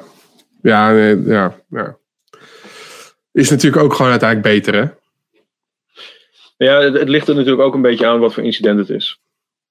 Ja, maar als het zo in de fik staat en ze hebben al een week zelf lopen clearen, dan maakt het eigenlijk ook niet meer uit dat jij. Uh, dat, dat ligt wel een beetje aan het incident, maar ja, Ik, ik, ben meestal niet geneigd om heel hard te gaan rennen als mhm. zij dat niet gedaan hebben. Ik denk dat het een goede, goede maatstaf is. Inderdaad, uh, hoe, hoe, hoeveel, hoeveel best doe je zelf? Want exter, op externe druk zetten is natuurlijk ook een stuk makkelijker dan je eigen personeel verplichten om op zondag te werken. En je weet ook al van tevoren dat dit mogelijk op een gegeven moment een blame game wordt. Iemand moet de schuld krijgen. En als externe partij, uh, die het niet snel genoeg opgelost heeft, uh, sta je er ook heel vooraan. Oh, wauw. Dat, dat heb ik nog nooit meegemaakt. Dat is ook een risico voor incident response. Oh, wauw. Dat heb ik nog niet meegemaakt. Dat lijkt me echt niet leuk. Wat heb je kaartje best gedaan? Ja. Eigenlijk, hè? Je, hebt echt gewoon, je hebt gewoon heel hard je gewerkt uh, voor zo iemand. Ja. En dan maar ja, wat heeft het? Maar goed, tegelijkertijd. Ja, het is jouw schuld. Ja, er, zit geen logica, er, zit geen logica in. En uh, er moet op een gegeven moment wel een rekening betaald worden. Ja, die moeten ze wel gewoon netjes betalen natuurlijk. Maar zouden ze die dan ook niet betalen? Omdat het dan, Heb ik in het verleden wel gehad, maar niet, en gelukkig niet als ZZP'er. Maar wel binnen de bedrijf waar ik gewerkt heb. Op een gegeven moment wordt het een, eh, een spelletje. Uh, iemand moet, discussie. En dat zijn ook allemaal dingen waar je van tevoren rekening mee moet houden met instant response. Dus ook je papierwerk moet in orde zijn. En mhm. hetzelfde als met pentesten. Je raakt niks aan voordat de boel geregeld is. Ja. Dus niet alvast gaan springen voordat het papierwerk rond is. Ja. Dat is nog best lastig, want het is paniek op dat moment. En ja. Maar help goed, alsjeblieft. De paniek, aan, de paniek is aan hun kant. Dat sowieso. Ja, je hebt zelf geen last van. Nou ja, dat is wel iets wat je moet leren binnen het vakgebied. Eh, ik weet nog wel de eerste paar jaar dat ik in instant response heb. Je, je bent best wel betrokken. Eh, ja. Wat je al eerder zei, het emotionele aspecten van. Um, op een gegeven moment kan je dat wat beter loslaten. Ja. het, het, het, is werk. En dat betekent ook als je naar buiten loopt dat jouw werkdag voorbij is. Later. Maar dat is wel iets wat je uh, moet leren. In het begin blijft het maar doorspelen, alles uh, waar je mee bezig bent. Ja. ja, ik merk dat als ik gewoon enthousiast ben over iets, dat het dan uh, blijft uh, zingen. Uh, als iets cool is, dan, ja, dan, dan blijft het gewoon bij je. Ja, nee, ik heb ook zeker als ik iets reverse engineer binnen een incident response onderzoek, dan zeg ik ook niet op een gegeven moment, nou het is zes uur, ik stop ermee. Ja. Dan is het meestal, oh het is zes uur s ochtends. Misschien moet ik nog even een paar uurtjes pakken voordat het nieuwe werkdag begint. Ja, ja, ja, ja, ja. Ja, dan is het ook eh, deels ook gewoon hobby, vind, heb ik zelf het idee. Ik vind het gewoon leuk om, om zoiets te doen ook. Ik vind, wat dat gaat reversen. Ik ben er het slechtste in van alle dingen die ik doe. Maar ik vind het het allerleukst. En het, het is uh, vooral de doorbraakmomenten. Uh, het vreedtijd. Het onvoorstelbaar veel tijd. Ja. Uh, wat ik ook, de malware training, dus zit een stukje reversing in van de malware. Op een heel groot mm stuk. Uh, het belangrijkste wat ik daar altijd bij mee kan geven is maak notities. Ja. Want hoe vaak ik wel niet heb gehad dat ik op een gegeven moment dacht: oh wacht, dit heb ik uh, drie uur geleden eerder gezien. En dat ja. is wat ik nu nodig heb. En dan zie je toevallig ergens een geheugenadres weggekrabbeld op een klap papier. Ja. Dat is precies dan waar ik daar moet zijn. Oh, nice. En als je dat dan niet gedaan hebt, dan baal je daar zo van. Ik heb um, van Mandiant ooit een malware reversing training uh, gehad. Uh, en daar was iemand die zei. Uh, je, had, je had zeg maar twee, je had drie instructeurs, maar de een was mega precies en heel erg van ik reken alles uit en die wist ook allemaal structuren uit zijn hoofd en zo. En die was heel. en die andere die zei: doe heel veel aannames. En wat hij gewoon deed was, hij deed gewoon, ja, ik gok dat dit ongeveer dit is. Dat, dat deed hij dan gewoon aannemen. En dan zei hij, ja, dan zal dit ongeveer zo. En dan keek hij iets verder en dan later, oh ja, nou, mijn aanname is bevestigd, ik kan weer door. En dat maakte dat hij zo snel uh, was in zijn werk. Uh, kijk, die ander, die wist alles al. Dus die was gewoon heel erg goed in, in dingen onthouden. Maar hij zei, ja, ik doe, doe aannames. Kijk maar wat je fijn vindt qua, qua werkwijze. En toen, die truc heb ik ook, ben ik ook gaan aanhouden. En dan denk je gewoon, ja, ik denk dat deze structuur dit ongeveer doet. Uh, maar dat bespaart zoveel tijd. In plaats van dat je letterlijk elke instructie moet gaan nalezen. Uh, dat ik, uh, kijk, als je natuurlijk. Als er nu iets is van ja, maar gaan we nu wel of niet China nuken? ja, oké, misschien dat, dat, je dat dan niet wil doen. Maar als het gewoon is van oké, deze structuur doet ongeveer dit. Ik heb het een keer gehad met een stukje malware wat gedropt werd bij een klant. eh, aan de hand van een fish. En toen werd er aan mij gevraagd, kan jij even kijken wat het doet? Een beetje zo, zo, zo. Het maakt screenshots. En het encrypt ze en het stuurt ze door naar iets. Ik denk dat het een Ja. fish is. eh, Van een eh, opdrachtgever. Vraag eens eh, bij zijn na of er niet gewoon eh, een of andere security officer wat besteld heeft. Ja hoor, was, werd besteld van, van, van onze...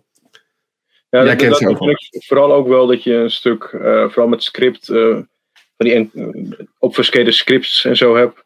Dat is bij mij altijd, kijk, kijk, kijk, kijk, en dan daar heb je een URL. En dat is dan gewoon de volgende stap.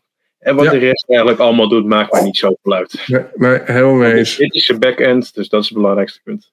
Ja, ja, ja, heel, ja weet je wel, Maar deze, na deze functie komt er iets nuttigs uit. Breakpoint zet ik erna wel. Ik weet niet wat die functie doet.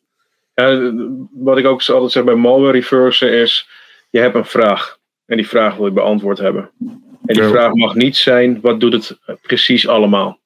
Nee, Dat is gewoon niet achterhalen. Dat is ook waarom ik altijd zeg, als een uh, malware op een systeem heeft ges- eh, gestaan, Mhm. is het systeem nooit meer te vertrouwen. Oh, best een goede. Maar dat betekent ook helemaal opnieuw inspoelen. Dat, dat is vast niet populair, dit. Nee, eh, en ook, maar en als ze dat dan vervolgens niet doen en alleen met eh, antivirus de malware verwijderen, is de impact en de verantwoordelijkheid eh, ligt bij hun. Ja, Maar je advies zou altijd moeten zijn, als er ergens malware op gestaan heeft, kan je het nooit meer vertrouwen. Ja. ja, goed. En wat jij uiteindelijk aantreft, natuurlijk kwam alweer. wil ook niet zeggen dat dat, daar al stond. Het kan ook vervangen zijn. Ja, wat dat Ja. betreft is het natuurlijk. eh, En je weet, je weet niet eh, wat de malware mogelijk voor code ergens heeft die jij niet gezien hebt. Want je Ja. gaat niet elke regel assembly zitten reversen. Nou, nou, precies dat. Want dat, dat was toen ik vroeger dacht van ik ga ook leren reverse. Dat je echt, oké, Ajax heeft nu één in zich. Ja, Stap de volgende stap. Maar, maar ik dacht echt van nou oké, zo moet dat. Weet je, ja, niemand die dat aan mij uitlegde hoe dat moest eh, natuurlijk. Eh, Nou, ik heb dat dus wel gedaan voor eh, encrypties achterhalen. Dus als de Mm. malware op een gegeven moment encryptie heeft, vooral als hij zelf iets geklust heeft, dan zit je dus wel echt assemblyregel na assemblyregel. Net zolang tot je precies weet hoe een eigen gebouwde encryptie werkt. ja. Je kan hem nabouwen in je eigen programmeertaal en dan kan je alles decrypten. ja, maar ik ben daar echt te dom voor. Dus dat is, dat is gewoon, eh, dan accepteer ik per direct, dit is ver buiten mijn reach. Later, ik bel iemand die echt goed in is hierin. Ja, dan is het handig als je inderdaad bij iemand anders het werk nikkelen. Ja, nou, nou Ik ja, of niet. Oh. Ik kan het gewoon niet, punt. Maar ik, dat, dat zijn nog wel dingen ehm, wat ik zelf... Het is sowieso wel mooi wat jij nu zegt. Ja. Je kan het nu niet. Dat is binnen ons vakgebied niet een veel gehoorde Nee, term. dat is, is niet oké. Nee. Maar dat heb ik ook heel lang niet toe durven geven hoor, dat ik dingen niet kon. Eh, dat, dat is gewoon. Het is één. Het is toch ook wel een beetje allemaal stoere jongens bij elkaar. Vind ik zelf. De hele scene. En ehm, je wordt ook als tester op een bepaald. Weet je wel, ja, maar jij bent die tester. Jij weet alles van computers. Zeg maar. Terwijl dat heeft ook wel ervoor gezorgd dat je dan een systeem moet onderzoeken waar je geen idee van hebt. En dat ik dan zit van, ja, nu moet ik toch vragen hoe dit werkt. Want ik, ja, weet ik veel wat jouw custom systeem doet. Maar dat, dat toegeven. Eh, En met instant response is dat nog een slagje erger. hm, Want ze verwachten daar dat komt de reddende engel. Ja, dat jij precies weet hoe een AS400 in elkaar steekt. Kutsystemen. Of dat jij een of andere super exotische Unix-versie met het meest vage filesystem, dat jij dat snapt. Ja, Ik heb eh, toch wel regelmatig met mijn Blackberry in mijn hand in een serverruimte staan googelen hoe ik bepaalde dingen het best kon uitlezen. ja, ja. Ja, hoe quit ik VI? Ja, nee, ja. Nou ja, nou, maar op, ik heb op een gegeven moment AIX. eh moest ik op werken. En toen werkte een de commando's anders. ja dat heb ik dus ook best wel een dodo. eh, HP Unix had ik nog bepaalde dingen die dan net, net iets anders waren. Ja, gewoon andere parameters. Wel hetzelfde commando, andere parameters. Ja. Zo herkenbaar dit. Ja, maar ja, dat is iets Ja, wat we nog wel dat jij, weet, je hebt de kennis om snel te schakelen dat je het nieuwe kennis snel opneemt. Jawel. Maar het is niet zo dat je alle kennis altijd paraat hoeft te hebben. Nee, maar dat is iets wat ik in de laatste jaren pas heb geleerd. Dat ik ook tegen klanten gewoon... We hadden letterlijk, eh, hebben we ergens eh, vorig jaar rond deze tijd hadden we een pentest. En toen was de vraag van, ja, wat weet je allemaal van, eh, van Firebase? I don't know, zo'n Google. Uh, en ja, dat. Oké, maar hoe denk je dan dat je dat goed kan testen? Nou ja, dat, I don't know. Ik ga me inlezen. Ik ga mijn best doen. En ik ga er wat van leren. en dan kom ik bij terug.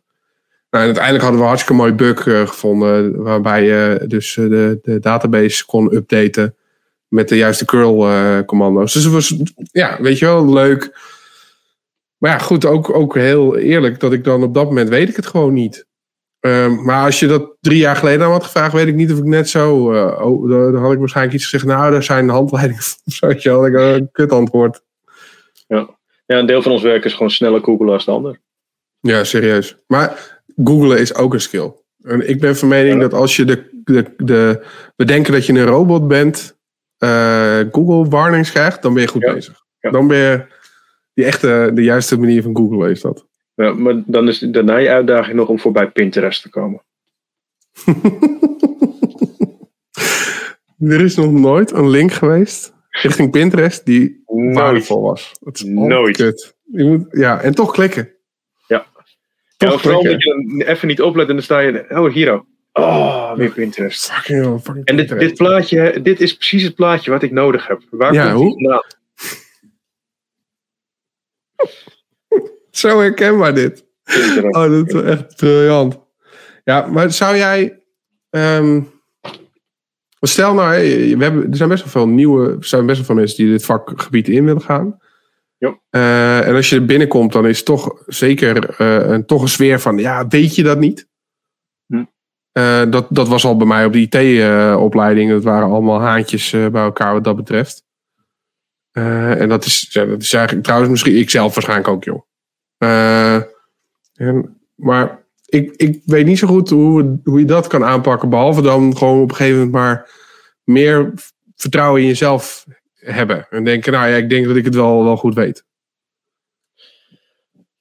Uh, ja, ik denk dat het veel belangrijker is om snel te leren en uh, snel informatie uh, te vinden.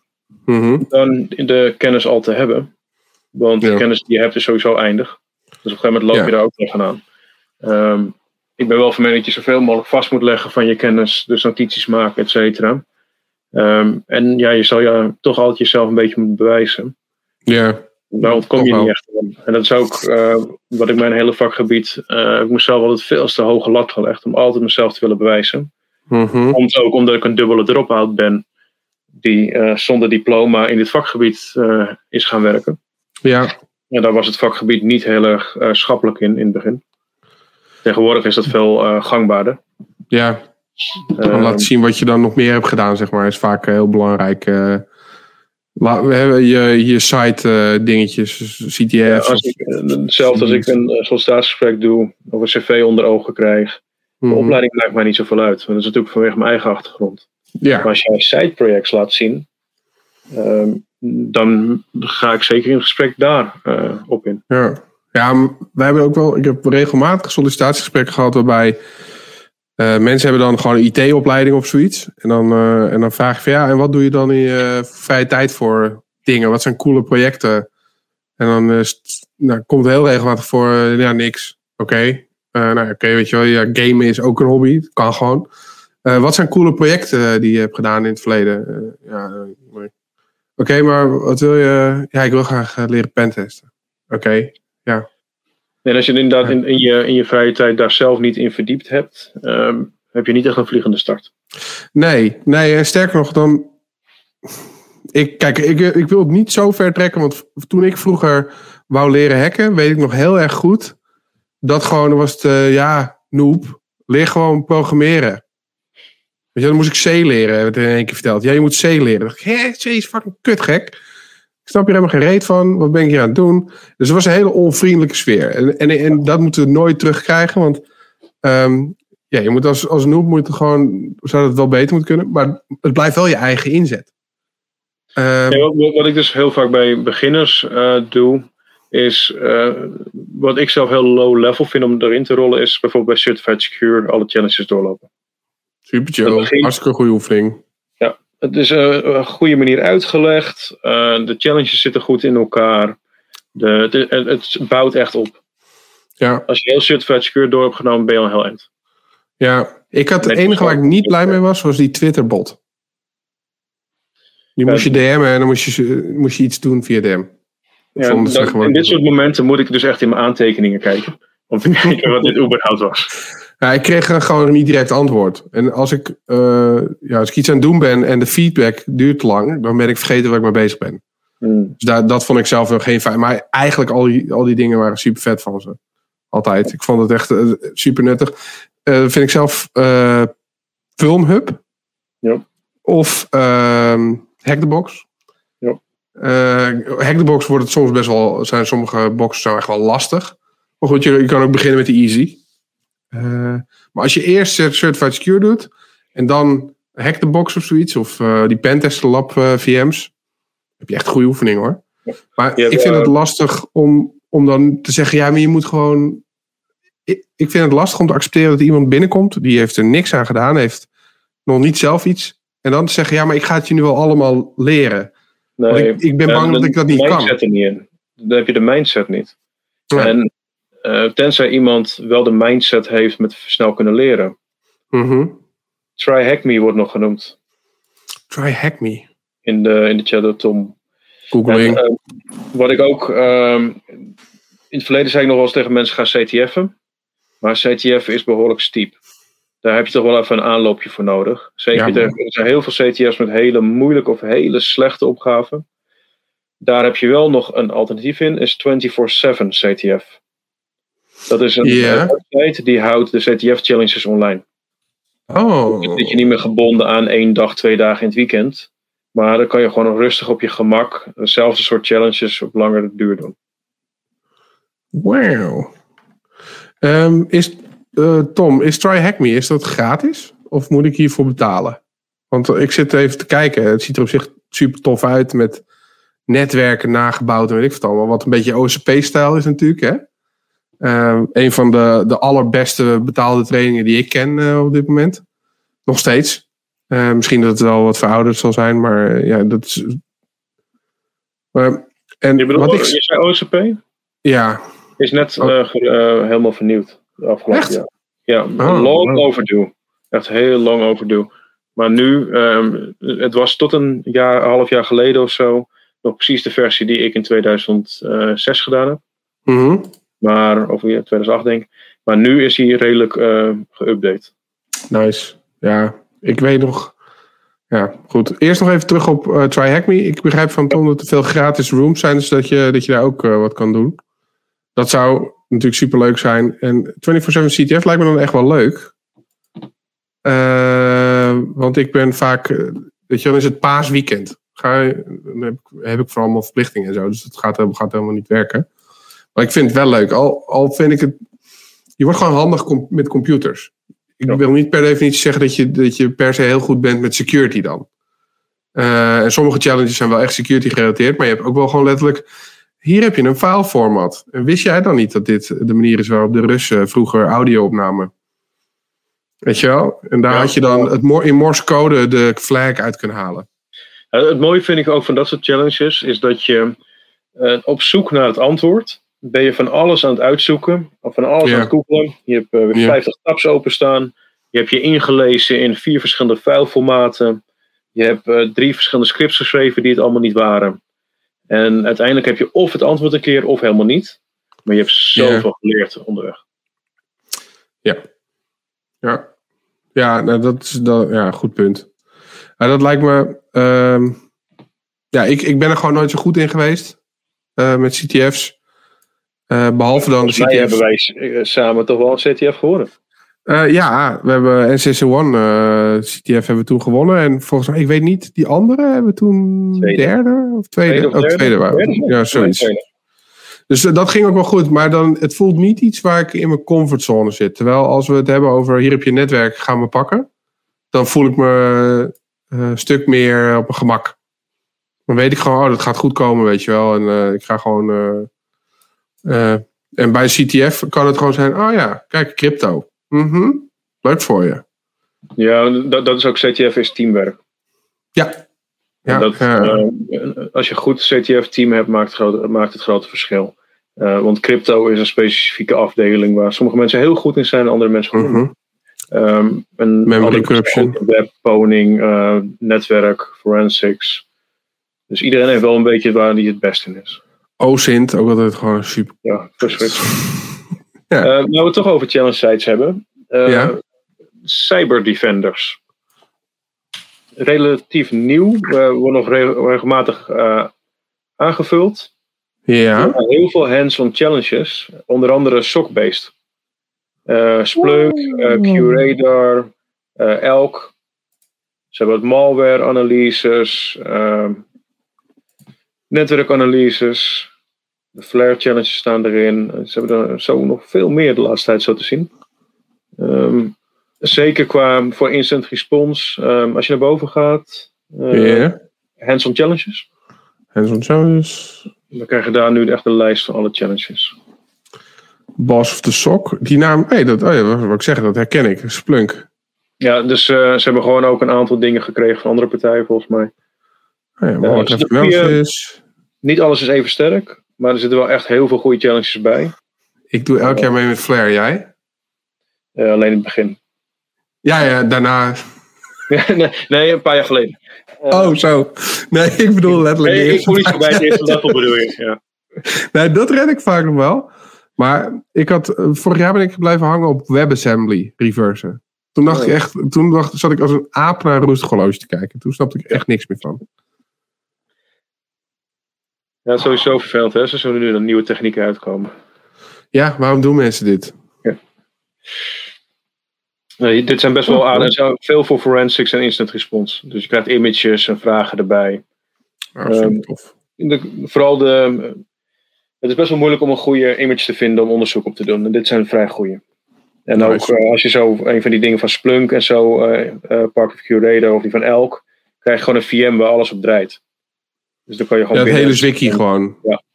ja dat dus dan hoef je ook niet eerst van alles op te zetten. Ja, en dan heb je dus ook een Splunk draaien, neem ik aan. Ja, ik heb deze niet gedaan, maar ik denk het wel. Het staat ook inderdaad dat je gewoon een uh, VMware hebt. Oh, kijk, zoals videootje erbij. Ja. Oh, en wat? Oh, kijk, de scenario's. Ja, dat is toch superleuk. En dit is ook weer hands-on. Als je dit allemaal doorwerkt, heb je meteen wel meteen die ervaring. Ja, ja ik heb eigenlijk nog nooit met Splunk gewerkt. Dus dat lijkt me best wel uh, lijkt me leuk om een keer te oefenen. Ja, en, en dat scheelt je dus je hele omgeving opbouwen en um, data erin pompen voordat je er iets mee kan doen. En dit is kant en klaar. Ja, even kijken. En je hebt ook meteen een aantal vragen. Ja, kijk, maar dit is ook leuk. Hier heb je gewoon, uh, uh, wat is het naam van het bedrijf? Eerst uh, dat eruit vissen. En dan op een gegeven moment wordt het, wat version of Tor dit allemaal installed op Skater webbrowsing. Ja, dat, het wordt steeds wat, wat complexer. het maakt me niet zo uit of die vragen nou echt nuttig zijn. gewoon het leren zoeken. Antwoord, ja, de juiste queries bouwen, de informatie zoeken, et cetera. What's the domain name used email address when someone creating multiple accounts on the Frotley web store? Er is ook nog wat echt technische shit. HTTP agent. Ik vind het altijd leuk om. Ik vind het persoonlijk heel leuk dan om zo'n trail van uh, stagers en, ja. en dat dan daarop te volgen en zo. Dat, dat vind ik altijd heel tof. Ja. Oh, wat leuk zeg. Ah, dat ga ik, ja, zeg ik, ga ik een keer doen, maar. Ja, ook ik hier heb, weer, je moet de tijd ervoor pakken.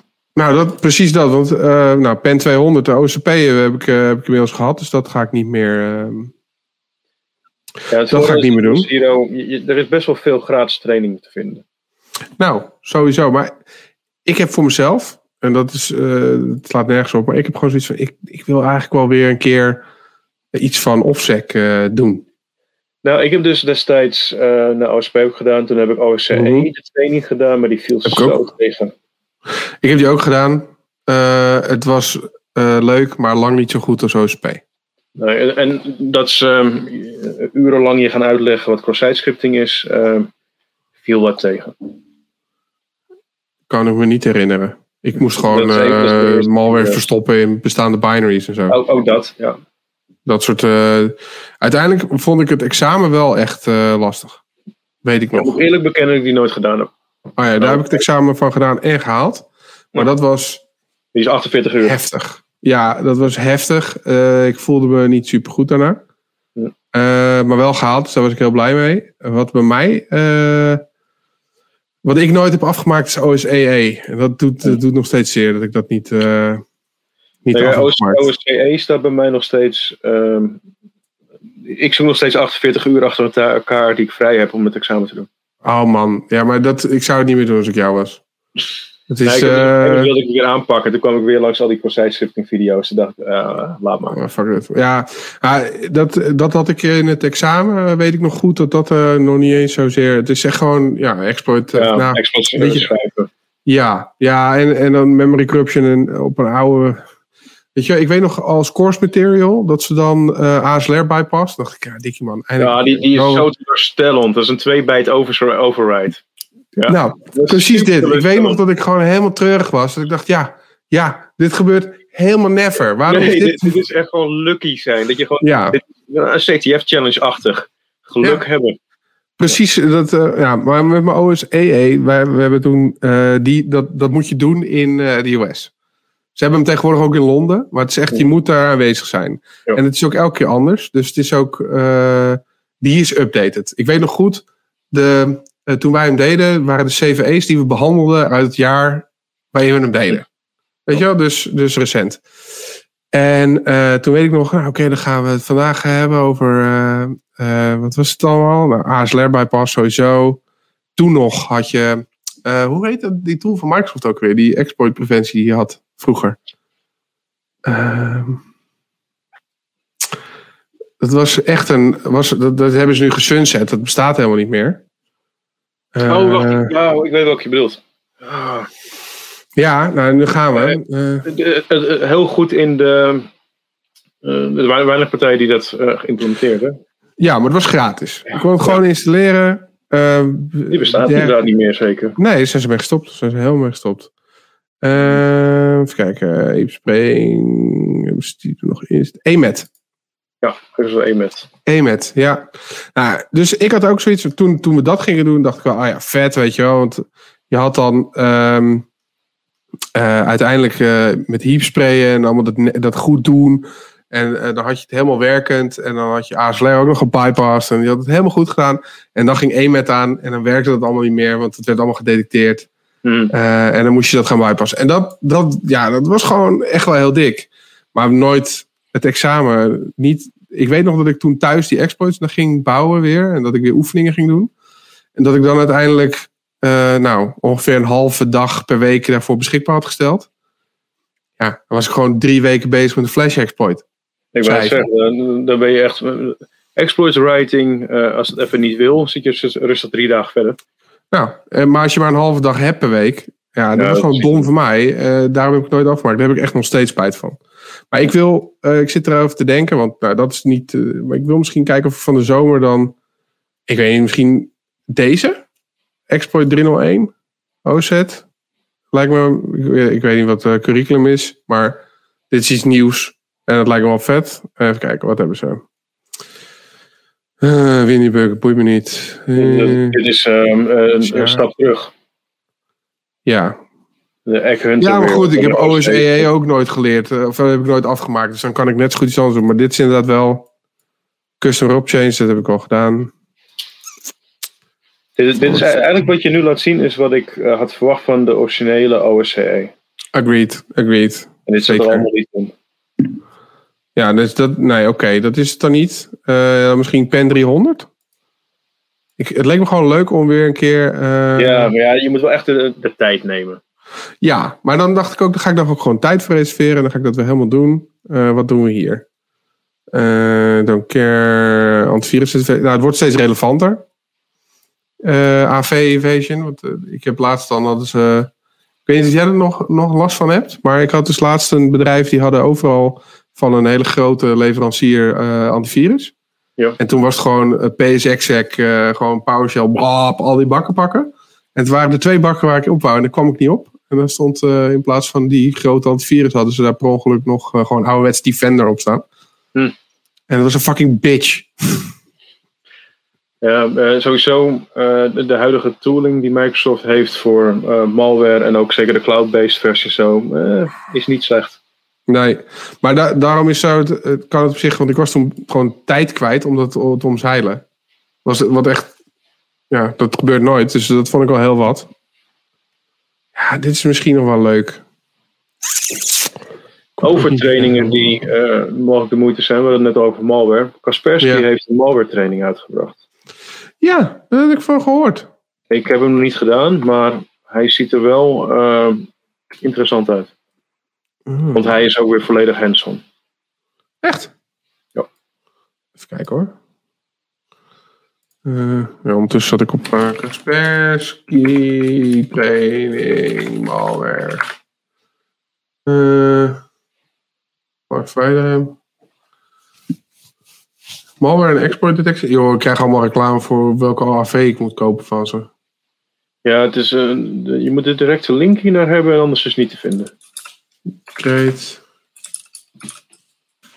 Als je op hun website zit, dan krijg je inderdaad hun hele. Dan krijg je niet in ieder geval die training. Ik zit nu. More analysis, courses will provide. Ja, is dit het dan? Maar I don't know for sure. Uh, ik zag een andere tab. Nee. Uh, ik denk dat ik hem nu voor me heb. Ja. Oh, Deze. Share jij ons? Uh, moet ik wel sharen? Ja hoor.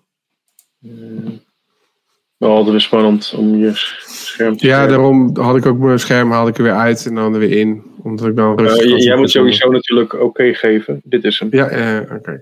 Het stream. Dus uh, de targeted malware reversing, reverse engineering. Uh, dus 100% practical. Uh, ze werkt met IDA Pro. Ja. En je hebt een soort virtuele omgeving waar je bij die tooling kan. Tof. Als ik later groot ben, hè, dan wil ik uh, genoeg geld om een IDA Pro licentie te kopen. Nou, je krijgt dus 10% korting als je deze training hebt gedaan. Kijk, dat is leuk. Hier, maar dan, 10%. Maar weet je wat het is? Het is niet dat het, de tool onbetaalbaar is. Dat is het niet. Maar dat is gewoon zo. Dat ik, de, je gebruikt de tool niet genoeg om er zoveel geld aan uit te geven. Ja, maar dat is met veel security tooling. Burp. Dat is, uh, Burp is betaalbaar en je gebruikt het. Maar dat is wel een van de weinigen. Veel van andere tooling, zeker als jij een klein bedrijf bent of ZZP'er, mm. dan is bij elke tool weer de vraag: ja, ga ik dat geld eruit halen? Ja. Ja. Ja. Maar deze is dus. Uh, heb ik nu een VM dan bij ze waar uh, IDA dan ook in werkt? Volgens mij is het gewoon een. Uh, ja, er staat als vierde puntje: browser-based access to virtual lab. Ja, dus dat moet dan. Is het via je browser. heb je dus een VM-omgeving waar hun IDA-licentie in had. Ja, top. Ah, je, ja, als je zelf je IDA moet aanschaffen voor deze training, schiet het al niet op. Nee, maar dan is 1400 is dan gewoon, dat is uh, offensive security style pricing. Ja. Um, wat ik dan wel heel erg waardeer, want ik heb ook wel eens gekeken naar een SANS training. Ja, dan ga ik keer 5. Ja, dat is serieus. Ja, ik heb nog nooit een SANS training gevolgd, dus ik kan ook niet bepalen of het de moeite waard is. Maar het is zo nou, daar kan ik je toevallig wel op inlichten. Ah. Uh, ik heb ooit de malware gedaan. Ja. Uh, voor de GREM-certificering. Mm certificering ook wel gehaald.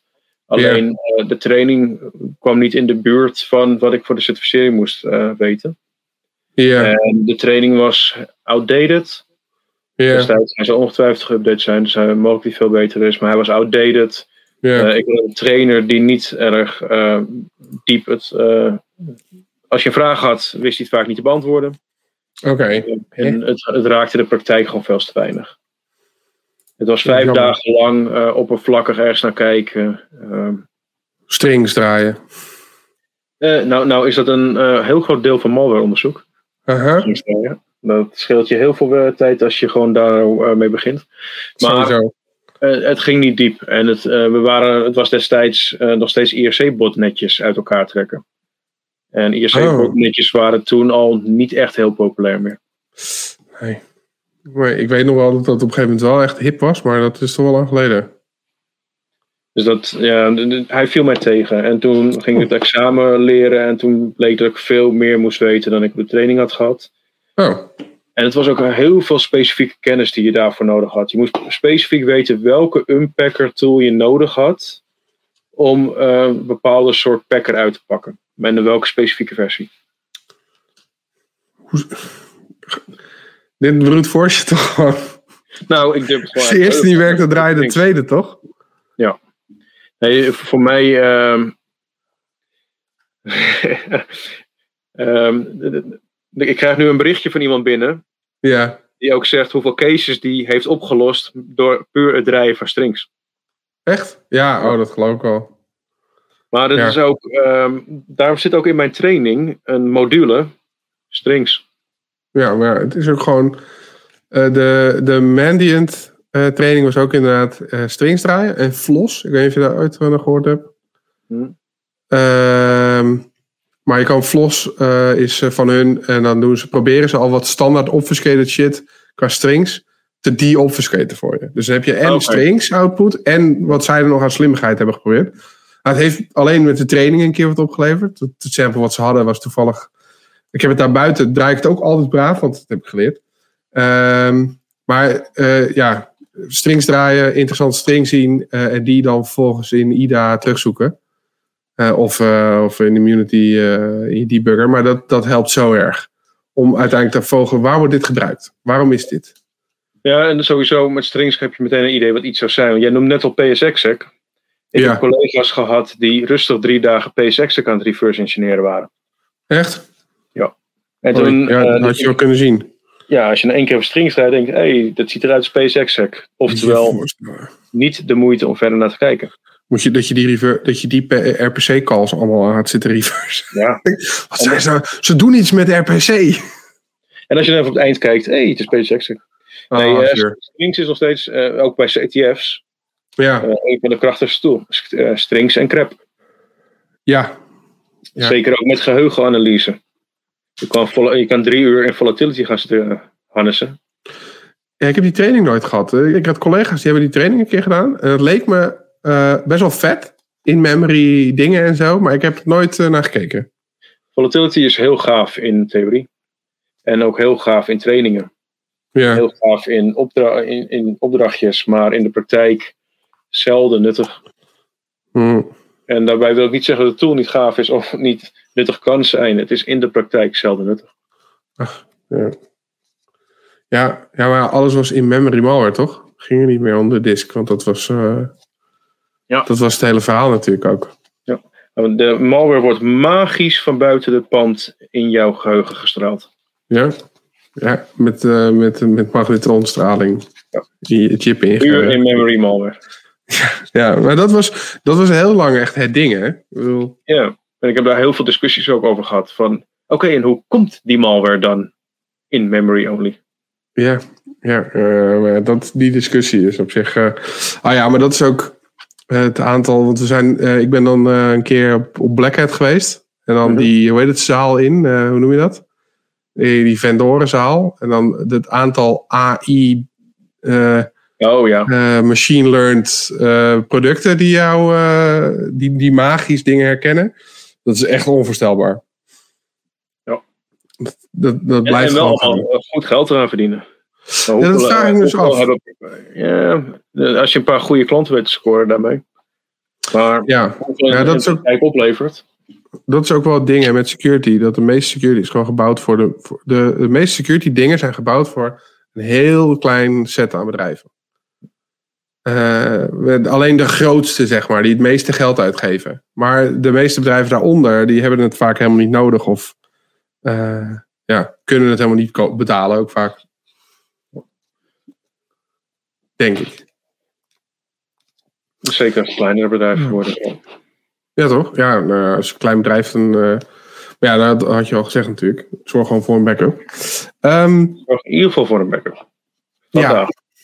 vandaar, ja. eh, En loop dan ook meteen even langs bij eh, je vrienden, je ouders en je en vriendin. zorgen en ook dat zij een backup hebben. en je broer. En vraag eens wanneer het laatste backup was. Ja. Ja, ik weet nog dat eh Milena, die eh, was een PhD aan het afronden. En eh, die heeft, ja, weet je wel, heeft ze dingen van een micro-CT. Die dan op hele kleine schaal CT, weet je hoe groot die bestanden zijn? En dat is allemaal, ik heb op een gegeven moment gewoon ge- automatisch ingesteld dat alles werd, werd automatisch gesynct naar Google toe. Hm. Gewoon maar omdat bij een, ik heb uiteindelijk heb ik USB-sticks van een, van een collega van haar toen gehad. En daar stond alles op. En die USB-sticks die faalden gewoon. Uh, maar dat alles ging naar, ja, alles gaat via mensen die, die gingen dan zelf oplossingen bedenken met stickies en uh, externe disks. En toen, toen zag ik de buil hangen. Ik denk, ja, ik ga niet nu vier jaar aan, aan studie, aan, aan, aan onderzoek daaraan opofferen. Dus laten we het allemaal maar gewoon ergens online zetten. Maar dat, ja, dat was een van de spannendste dingen, vond ik zelf. Dat dat ook de, het ding is waar ik mij moest helpen natuurlijk. Met onderzoek, dat snap ik allemaal niet. Hier zat je op. Ja, dit is, ja, dus, ja, maar hoe vaak je daar wel niet... Ja, maar jij hebt je telefoon. Ja, nee, helemaal niet. Je hebt een goede computers, dus uh, regel even mijn nieuwe wifi. Ja, oh, heerlijk.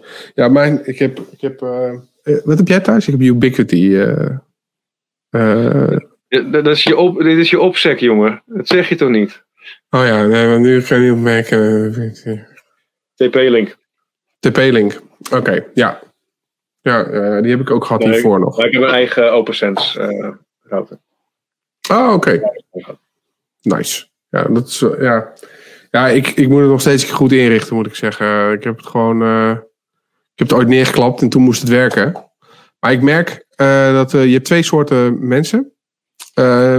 Mensen die het prima vinden om gewoon te zeggen: Oké, nu is alles kapot, dan ga ik het fixen. en ik heb nu, het draait nu. Dus de oplossing die ik kan doen is, ik kan het helemaal opnieuw inrichten, maar dan werkt het dus even niet.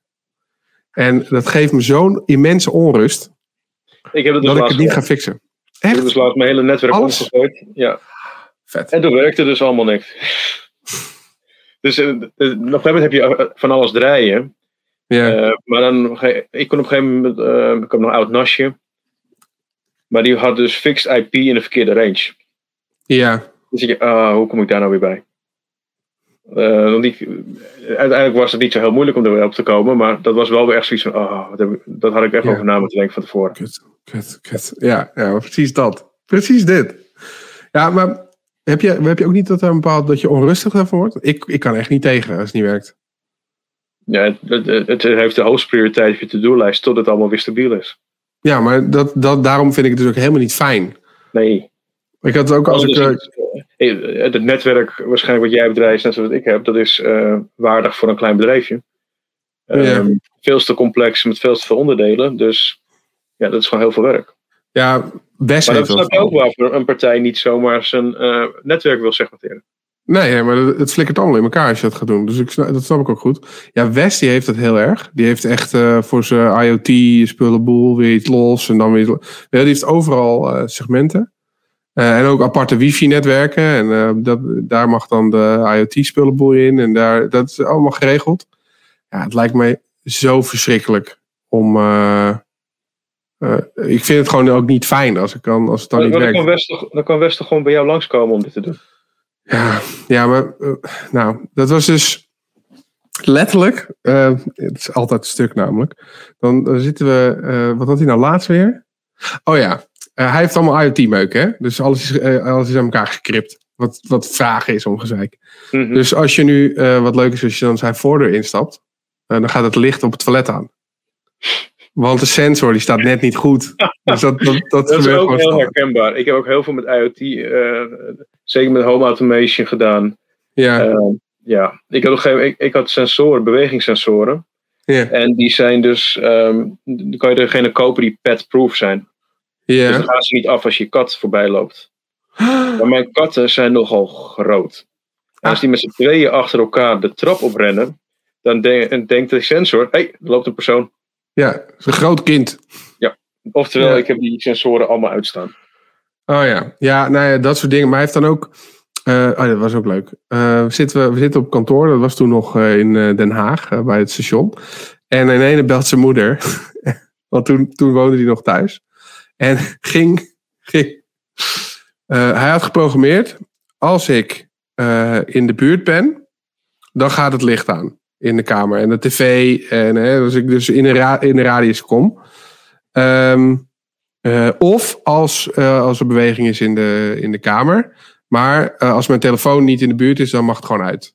Nou, hij zit op kantoor. Zijn moeder gaat de kamer stofzuigen. Dus de kamer denkt: er is iemand aan die zooi. Dus de tv gaat aan. Met geluid, weet je, gelijk herrie. De lichten gaan aan. En de volgende stap was, is de telefoon in de buurt? Nee, de telefoon is niet uit. Dus tak, tak, tak, tak, tak, tak, tak. Nou, dus zijn moeder zat in disco. Dus die belt op, kan je dat, weet je wel, zet uit die meuk. Nou, toen laatst ook weer, toen, toen was, uh, ging hij uh, op pad met zijn vriendin. En zijn vader was daar bij hem thuis uh, aan het klussen op zolder. En wat had hij nou gebouwd? Als wij er niet zijn, gaat de alarm automatisch aan. Hm. Ja, ja, dus die, die stond midden in blerend lang te klussen. Dus die was ook weer helemaal blij. Maar dat soort dingen, als ik dat hoor, dan denk ik alleen maar, joh, dat is alleen maar gezeik wat je nou hebt, wat je, wat je hier op de hals haalt. Nou, ik heb dus hetzelfde gehad met een, um, een rookmelder.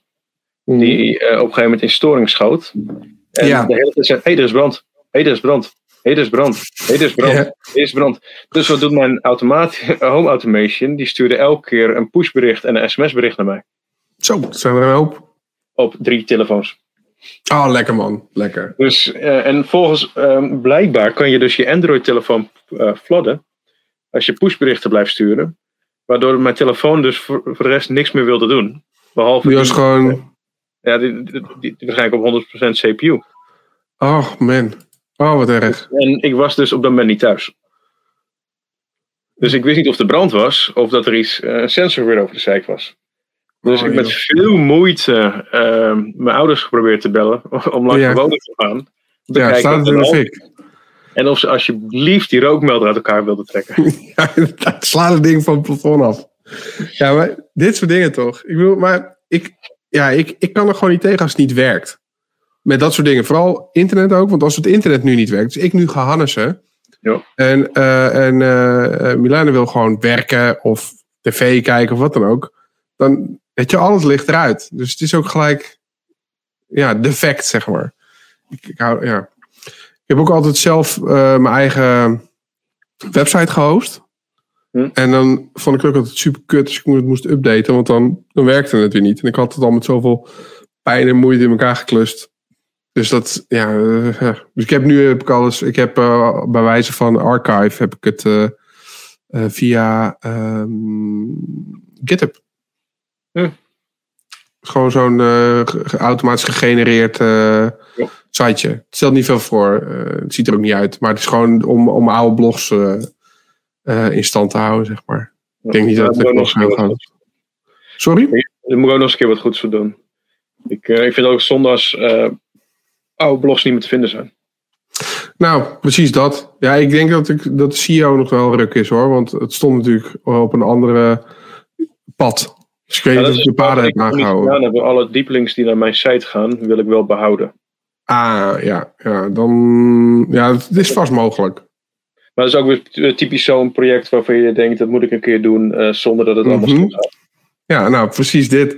Maar dat, dat zijn van die dingen dat je denkt, ja, ik, hoe kan ik dit nou aanhouden? En toch, want zelf zo'n website hosten, waarom heb ik dat ooit gedaan? En, en precies dit soort problemen is waar voor sommige partijen nog steeds Windows XP draaien. 100%. 100%. Ja. ja. Daar krijg je gewoon bijna nog begrip voor. Ik snap het wel op zich. Maar tegelijk, nou, met tegenwoordig vind ik dat. Weet je, koop. Stel hè, even, even nu. Uh, als je nu een bedrijf zou beginnen of zo. En je koopt gewoon zo'n zo'n Microsoft licentie met Windows en Azure AD er al bij.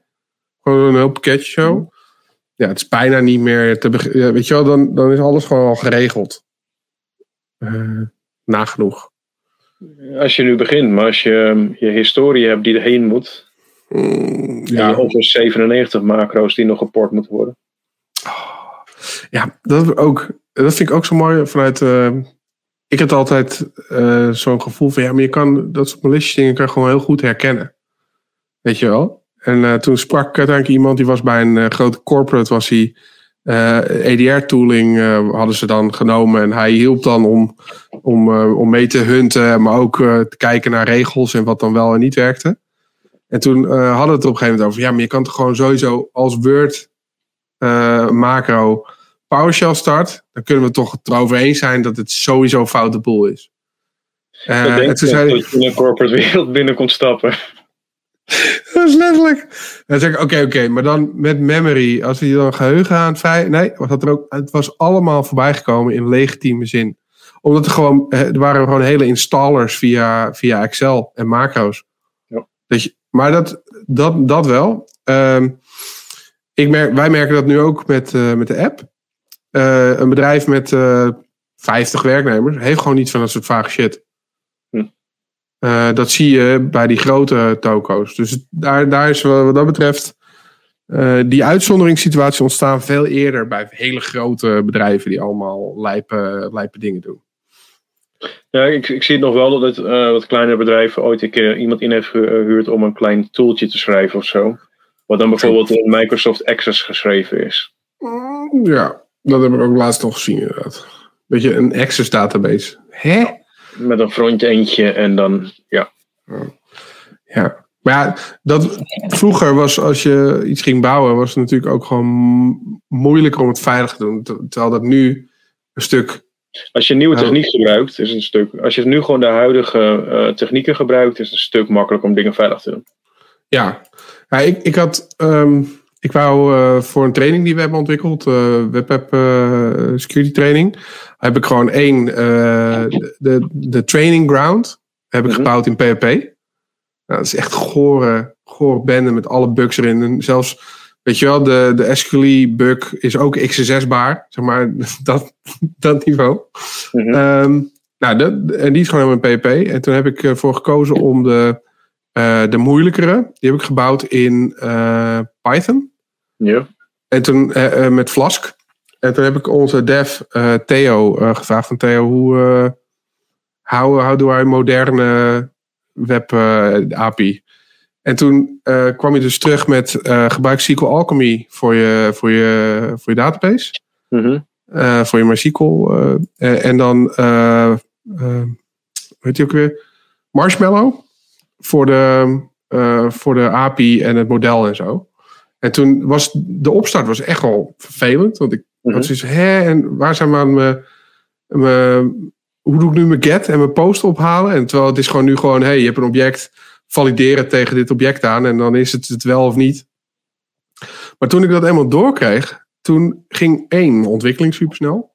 Want ik had eigenlijk binnen, uh, geloof anderhalf of twee dagen, had ik een volledig werkende dark market met chat, producten, kopen, geld, accounts aanmaken, verwijderen en je eigen account editen gebouwd. Zonder frontend, hè? Frontend is verschrikkelijk. Um, en toen moest ik SQL injection inbouwen. Toen heb ik echt moeite gehad. Dat kostte de tijd, zeg maar. En daar heb ik wel van geleerd van... Oké, het, het, is de moeite om een framework te leren kennen... en het is ook de moeite om moderne shit te gebruiken. Maar ik snap heel goed dat mensen gewoon oude meuk... Ja, daar zie je dus pakken. best wel een tweedeling nu in de markt. Van de, eh, de oudere garde die toch liever bij hun eigen bekende technieken blijft. En de nieuwere aanwas die vooral van de nieuwe technieken is. Um, en eigenlijk beschermd wordt door de nieuwe technieken. Ja. Omdat het wel moeilijker is om sommige dingen fout te doen. Ja, maar um, dat, dat vind ik toch ook dan wel weer.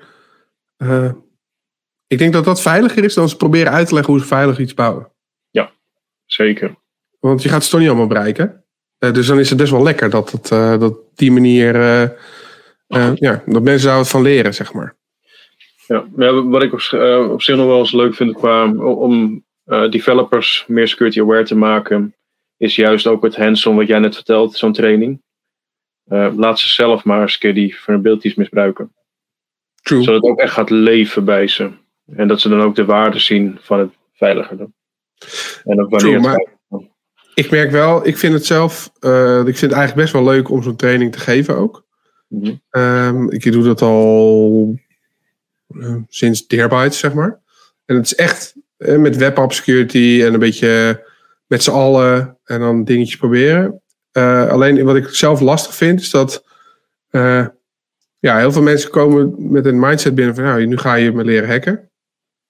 Um, en uiteindelijk zijn er altijd een, één of twee die zitten zeg maar, oh, ik, uh, ik ga kijken of ik die local privilege escalation exploit ook nog kan draaien en kan krijgen. En die hebben zeg maar voor de helft van de training zijn die eigenlijk al bijna bij het einde. Die, die, die, daar, daar merk je. En je hebt er één of twee die gewoon aan het einde zo, zo zitten. De, de aanwezigheids. Uh, uh, ja, het, het, jongens, het is half vier. Gaan we al naar huis? Maar die. Uh, ik heb dat... een keer gehad bij de malware training. Twee man die om half vijf de tas beschoten hadden. Ja. En bij, bij de rest moest ik om zeven uur eruit zetten. Van jongens, ik wil nu naar huis. Ja. En op een gegeven moment zitten er echt twee man met zo'n tas op schoot. Ik denk, ja, Ja. ik denk niet dat je bij de juiste training zit. Nee, dat is, nee maar. Nou, dat, en ik denk dat dat. eh, aan de ene kant is chill, hè? Want eh, die mensen zijn er omdat ze gewoon een budget hebben. En daarmee. Dat moet gewoon uitgegeven worden. En dit leek ze vet. En dan komen ze erachter dat, ze, dat, dat het net even te veel te moeilijk is voor ze. Eh, en ook niet de wil om je dan uit, jezelf uit te dagen, zeg maar, denk ik dan. Ehm, maar het was, ja, wij hebben ook altijd als feedback gekregen voor die trainingen. Zeker toen bij Deerbaas hadden we altijd gewoon. eh, ja, het is gewoon moeilijk, punt.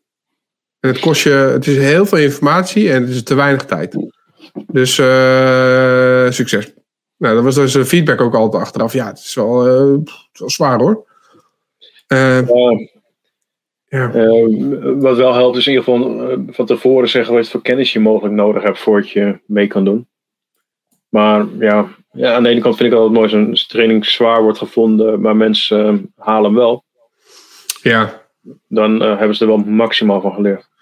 Nou ja, en dat hadden wij dus ook. Maar nu, wat we nu doen is het uh, opsplitsen in vier weken. En dan gewoon een sessie van twee uur of zoiets. Waarin je een bepaald concept uitlegt. en dan heb je de rest van de week, als je een keer tijd hebt, kan je gewoon op de training ground kan je het dan zelf doen. Dus het is gehost voor je, het is er wanneer je wil. En daarmee proberen we dat meer ruimte te geven. Het voordeel van een training is soms gewoon drie dagen gefocust aan één ding werken. True. En anders kom je eigenlijk weer een beetje met zelf online training doen. Tijd ja. maken en die tijd reserveren in plaats van andere dingen doen. Ja, zeker. Dus, dus we weten ook niet of dit nu het antwoord is. Uh, maar omdat die, die ene dag uh, was het te veel. Uh, maar om er iets uit te halen vonden we eigenlijk... Ja, weet je wel, het was gewoon nuttig. Mm -hmm. Dus het voelde niet goed om er wat uit te halen. Dus nu hadden we zoiets van, nou, we gaan het anders inrichten. En we gaan een andere training ontwerpen. En dan heb je dus eigenlijk gewoon, uh, zeg maar, twee uurtjes uh, gaan we proberen samen iets te doen en, en, en uit te leggen. En dan kan je vragen stellen. En dan moet je zelf ergens nog eens een keer twee uur reserveren om eraan te werken. Dus effectief gezien is de training ook niet acht uur, maar de training is dus eigenlijk 16 uur. Hm. Uh, maar waarvan acht uur dus die je zelf moet invullen. En dat, dat, uh, dat merkte je ook de een die appte je via Teams zeg maar om 11 uur s avonds van yo man, ik ben nu hiermee bezig, ik heb dit uitgeprobeerd, dit. Klopt het wat ik doe? En dan blijkt het uiteindelijk net, uh, weet je, we hebben ze een spelfoutje of zo, of een dingetje. Uh, en de ander die zegt, ja, ik had geen tijd deze week. En dat dan drie keer achter elkaar. Ja. Ja, ik, ik, dat vind ik nog het moeilijkste van allemaal. Mensen gewoon meekrijgen. Ja, nee, uh, daar, daar, helpt het wel met drie dagen training, waarbij ze vrij geroosterd zijn. Ja. Ik heb ook wel mensen in training gehad die vervolgens uh, de halve dag op de gang staan te bellen. Ja, ja, ja. Ik ben even een mailtje doen. Ja, ja dat is allemaal je eigen keuze, maar ik ga niet dingen vier keer uitleggen. Nee, nee, ja. Tenzij ik het uitgelegd heb en het niet goed uitgelegd heb, dan ligt het aan mij. Ja. Maar als je niet aanwezig was uh, en de rest ophoudt, ja, dan houdt het op. Oh, weet je wat ik trouwens wel super chill vind? Ik weet niet wat jouw ervaring nou is. Um, nu de training dan online is, uh, mm-hmm. is mijn lunch voor mij. Dus. In plaats van met de rest aan praten. Ja, nou, nou is de lunch die je daar krijgt vaak wel beter dan de lunch die ik zelf maak. Oké, okay, oké, okay, maar ik, vind je niet... Ik sta thuis niet elke dag uh, twee kroketten in de frituur te knikkeren. Maar die kan je ook gewoon thuisbezorgd.nl. Als je, dat, als je per se dat trainingsgevoel wil, dan kan het. Maar, maar vind je niet uh, dat weet ik in ieder geval zelf, dat, ik, dat je lunch nooit een relaxed lunch is. Omdat je altijd met al die mensen wat. Voor, wat voor personen het zijn. Het kan soms heel goed zijn voor het netwerk. Ja. ja. Als je leuke mensen uit het vakgebied ja. hebt en je kan een beetje bijpraten, dan wel. Maar ik herken ook wel wat je zegt. Ja, toch? Ja. Ik vond dat zo lastig altijd. dacht ik, oh kut. Ik wil gewoon... Wat ik dan ook deed was gewoon... Uh, ja, ja. Ja, want ik wil hem niet weten dat jij, uh, weet je, dan heb je een, een, systeembeheerder van een jaar of zestig. En die was vroeger ook heel goed in hacken. Ja. Ja. ja dan gaat hij termen roepen. Ja, I don't care, weet je wel. He, met je relay, de, de denial of, uh, of command injection. Met je, met je driedubbele uh, Unicode uh, evasion. Dat is ook mijn tijd. ja, ja.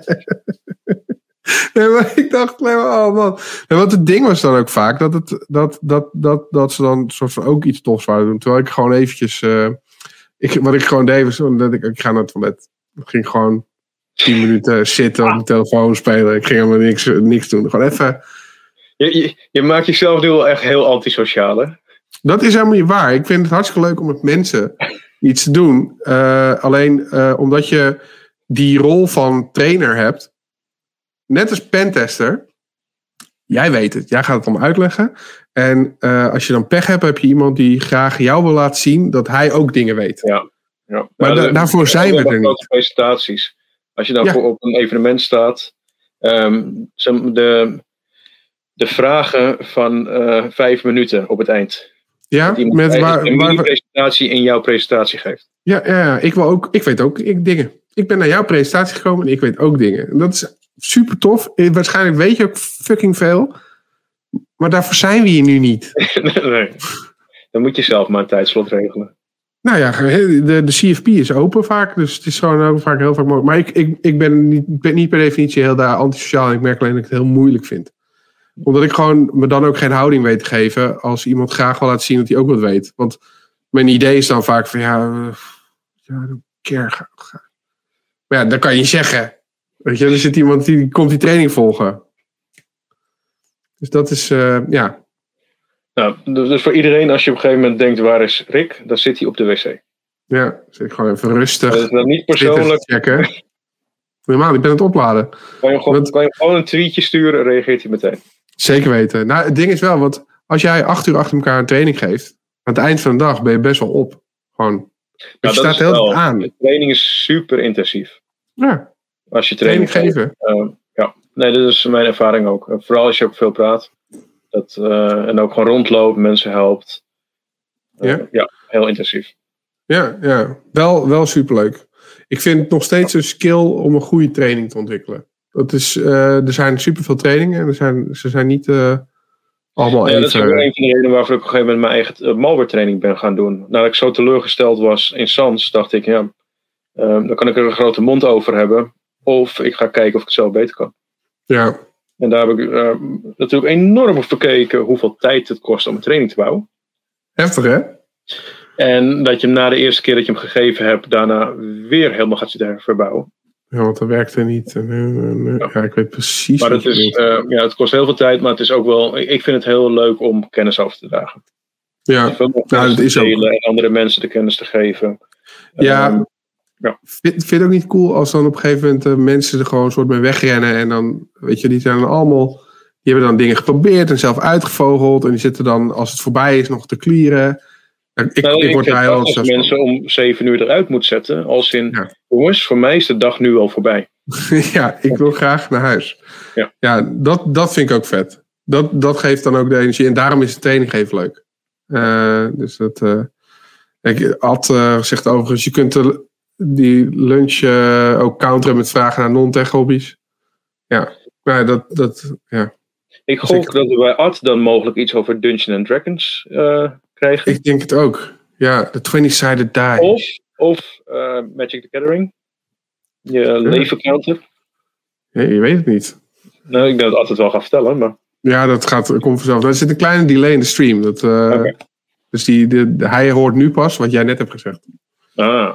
Ja, ja dus de, dat maakt de live chat... Dan gaan we gewoon rust, rustig zitten wachten. Ja, nou, en dan nu vijf minuten wachten op Ad. Maar jij, jij, is dat zeg maar zo'n uh, censuurdelay? Dat is het verkeerde gezegd wordt dat je hem snel even uitzet. Ik heb geen idee, nee, want ik denk dat als ik nu op end broadcast druk, dat, uh, ja, dat hij nu gewoon uh, zeg maar alles uitzendt tot wat er nu opgenomen is. Meer geinig plaatje, okay, geen D&D. Oké. Okay. Nee, maar dat zou inderdaad goed kunnen hoor. Maar het is meer gewoon, ik, ik vind het heel lekker om even niet in die aanstand te hoeven zijn. Nou ja, dat is sowieso. Als je natuurlijk de hele tijd loopt te broadcasten uh, voor een groep, wil je uh, ook, een introvert uh, of een extrovert heeft zijn introvert momentjes nodig. Ja, zeker weten. Zeker weten. Ja. Over broadcasten gesproken. Ja. Het valt me dat mensen nog steeds luisteren. We zijn al bijna drie uur aan het praten. Ja, mooi hè? Ja, dat gaat vanzelf. Maar goed, nou, is dat de voorbereiding duurde ook twee uur. Ik wou het zeggen, het is aan ons wel besteed. Ja. Ja. Ja, we kunnen, we kunnen het nog ergens over hebben. We kunnen er een eind aan breien, wat je wil. Maar Nou, mij nog- ik, ik weet niet meer wat jij nog op de lijst had staan. Ehm, nou, we kunnen het sowieso nog hebben over jouw, eh, jouw CTF-carrière, zeg maar. Want je bent een van de meest fanatieke mensen die ik ken. En ik ben al heel fanatiek met, eh, met, met dat soort wedstrijdjes. Maar jij bent enthousiaster nog.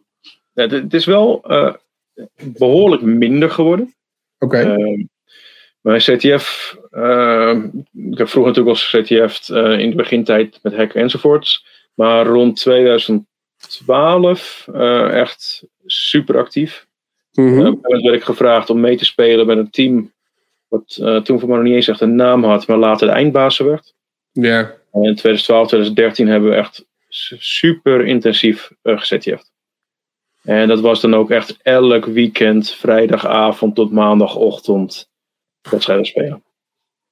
Ehm, ging ook nog wel eens ten koste van mijn sociale leven. Mhm. Uh, heel even wachten. Ja.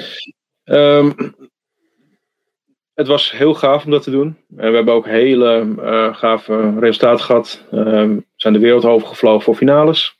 Onder andere in Korea geweest, Zuid-Korea. Um, Codegate CTF. We Mhm. zijn in Moskou geweest. Uh, PhD's. Ja. Was toevallig vorige week of twee weken geleden uh, in het nieuws dat op dat evenement blijkbaar de GRU uh, mensen heeft uh, gerecru gerecruit. Ah, nice. Dus enigszins teleurgesteld dat, ja, dat, je, dat niet, niet benaderd zijn.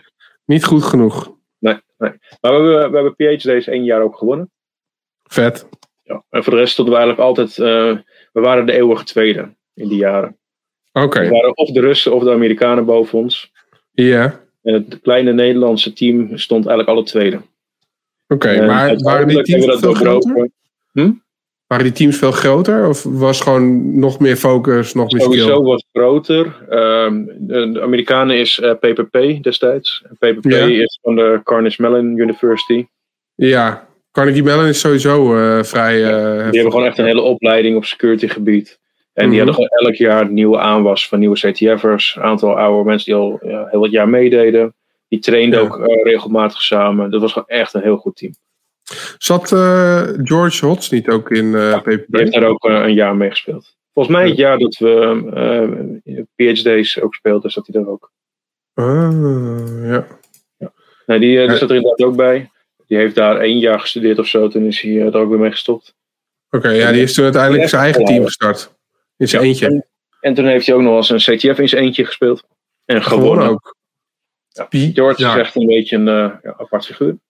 Ja, uh, ik heb hem op Defcon gezien trouwens. Toen deed hij mee uh, op, een Defcon CT, op het Defcon CTF. De focus is bijzonder. Een soort van die man keek dwars door de ruimte en de tijd. Die was niet aanwezig. Ja. Nee, er is ook geen gesprek met hem tevoren. Oh, dat geloof ik helemaal. Dat geloof ik Echt niet. En uh, even kijken. Uh, na 2013 zijn we allemaal uh, wat minder actief geworden. Dus nu spelen we echt sporadisch. Oké. Okay. En uh, er zijn nu een, een, aantal CTF's die ik dan ook speel met andere teams. Um, met uh, Hack met TRS speelde ik vraag onder andere uh, Hack in the Box. Ja. Amsterdam. Nou ja, met jou heb ik de One CTF een paar keer gespeeld. Ja. Um, met Jobless Hackers speel ik de Cyber Olympics. Ja. Die hebben we 2019 gewonnen. En dat was uh, de laatste. Uh, een beetje geluk, de allerlaatste. Maar misschien dat er volgend jaar weer eentje is. Ja, oh ja. ja. Uh, ik, weet, we, ik weet nog dat we de eerste keer zijn we volgens mij tweede geworden. Nee, de eerste keer wonnen we en de tweede keer werden we tweede. Is dat het? Ja. Ja, want uh, je hebt dan je hebt altijd mensen die meedoen voor de lol. Ja. En wat ik mooi vind om te zien bij jou, wat ik zelf ook doe, is als je ik dan weet waar dit heen gaat en mijn hele team weet waar dit heen gaat. weet je dan, dat iemand gewoon, gewoon leuk even hoi wil zeggen. Of even wil, hè, gezellig, want het is toch ook voor de lol. maar er is echt, er is geen lol te bekennen ook gewoon. Nee. Ik, ik ben heel fanatiek tijdens CTF'en. Ja. En dat weet mijn team ook zeker qua als ik voorstel om iets te gaan doen. Ja, voorstellen. Heet het zo? Laten we het zo noemen. Ja? Dat dat enigszins ja, niet heel vriendelijk is. Het is fanatiek. ja, CTF's is voor mij heel fanatiek om te spelen. Ja, vet. Ja, ik, ik herken het helemaal. En ik vind het ook leuk dat je bent ook richting je teammates, maar ook als er dan iemand aankomt en die denkt, oh leuk, hey Thijs, hoe is het? Uh, hoe uh, lang niet gezien? nu even niet. Ja, fuck off. Ja, dat is ook als je, als je in je, zeg maar, je hyperfocus zit, dat je echt vol ergens mee bezig bent. En ja. je, je hebt het stress, je hebt de adrenaline, je probeert iets voor elkaar te krijgen. Het is technisch moeilijk. Ja, en ja. dan zo uit je concentratie te worden getrokken om iemand uh, een gedachte wil zeggen. Yep. Dat, uh, daarom zit ik ook het liefst niet aan de zijkant van een uh, zaal.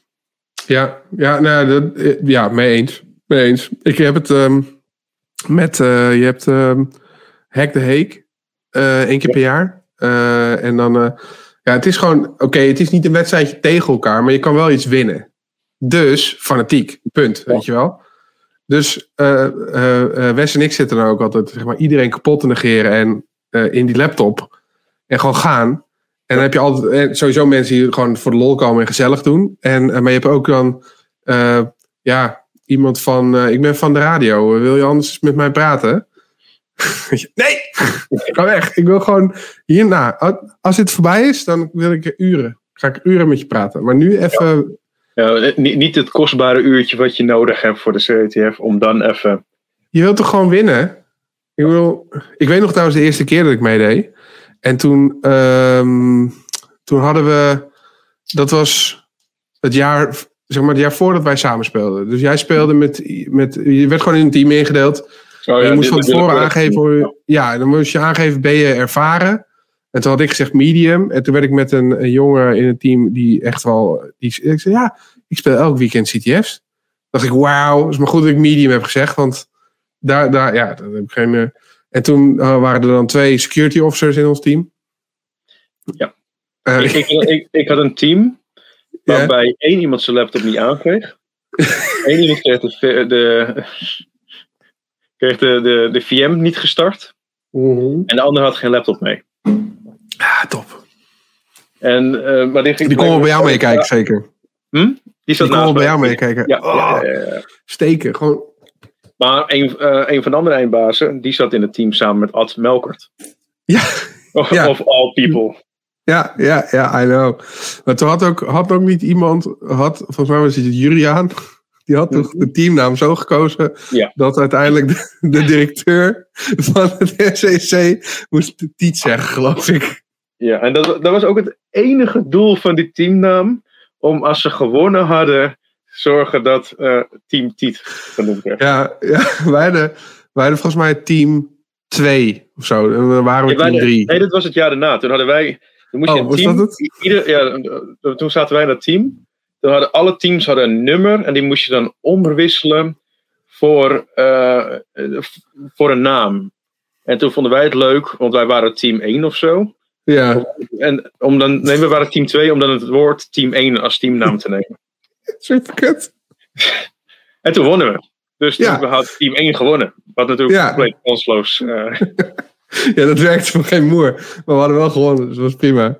Maar ik weet nog die eerste keer dat ik meedeed, dat jij dan in dat team zat. Nou, ik sprak jou nadat eh, het voorbij was. Jij was volgens mij iets van ergens onderaan geëindigd eh, met jouw team vol superhelden. Vijfde of zo. Ja, en, en je was zo heerlijk gefrustreerd. Het was fantastisch om te zien. Want ik herken het ook. Eh, dat je gewoon, eh, wij werden uiteindelijk derde of vierde of iets. Ehm, maar ik herken dat heel erg. En, en dan vind ik het mooi, want ik, ik, ik weet al, toen ik daar zat, was het, eh, nou, ik zat, sprak die jongen die dan echt ervaren was. En dacht ik, ja, cool, weet je, ik kan een beetje van jou wat leren.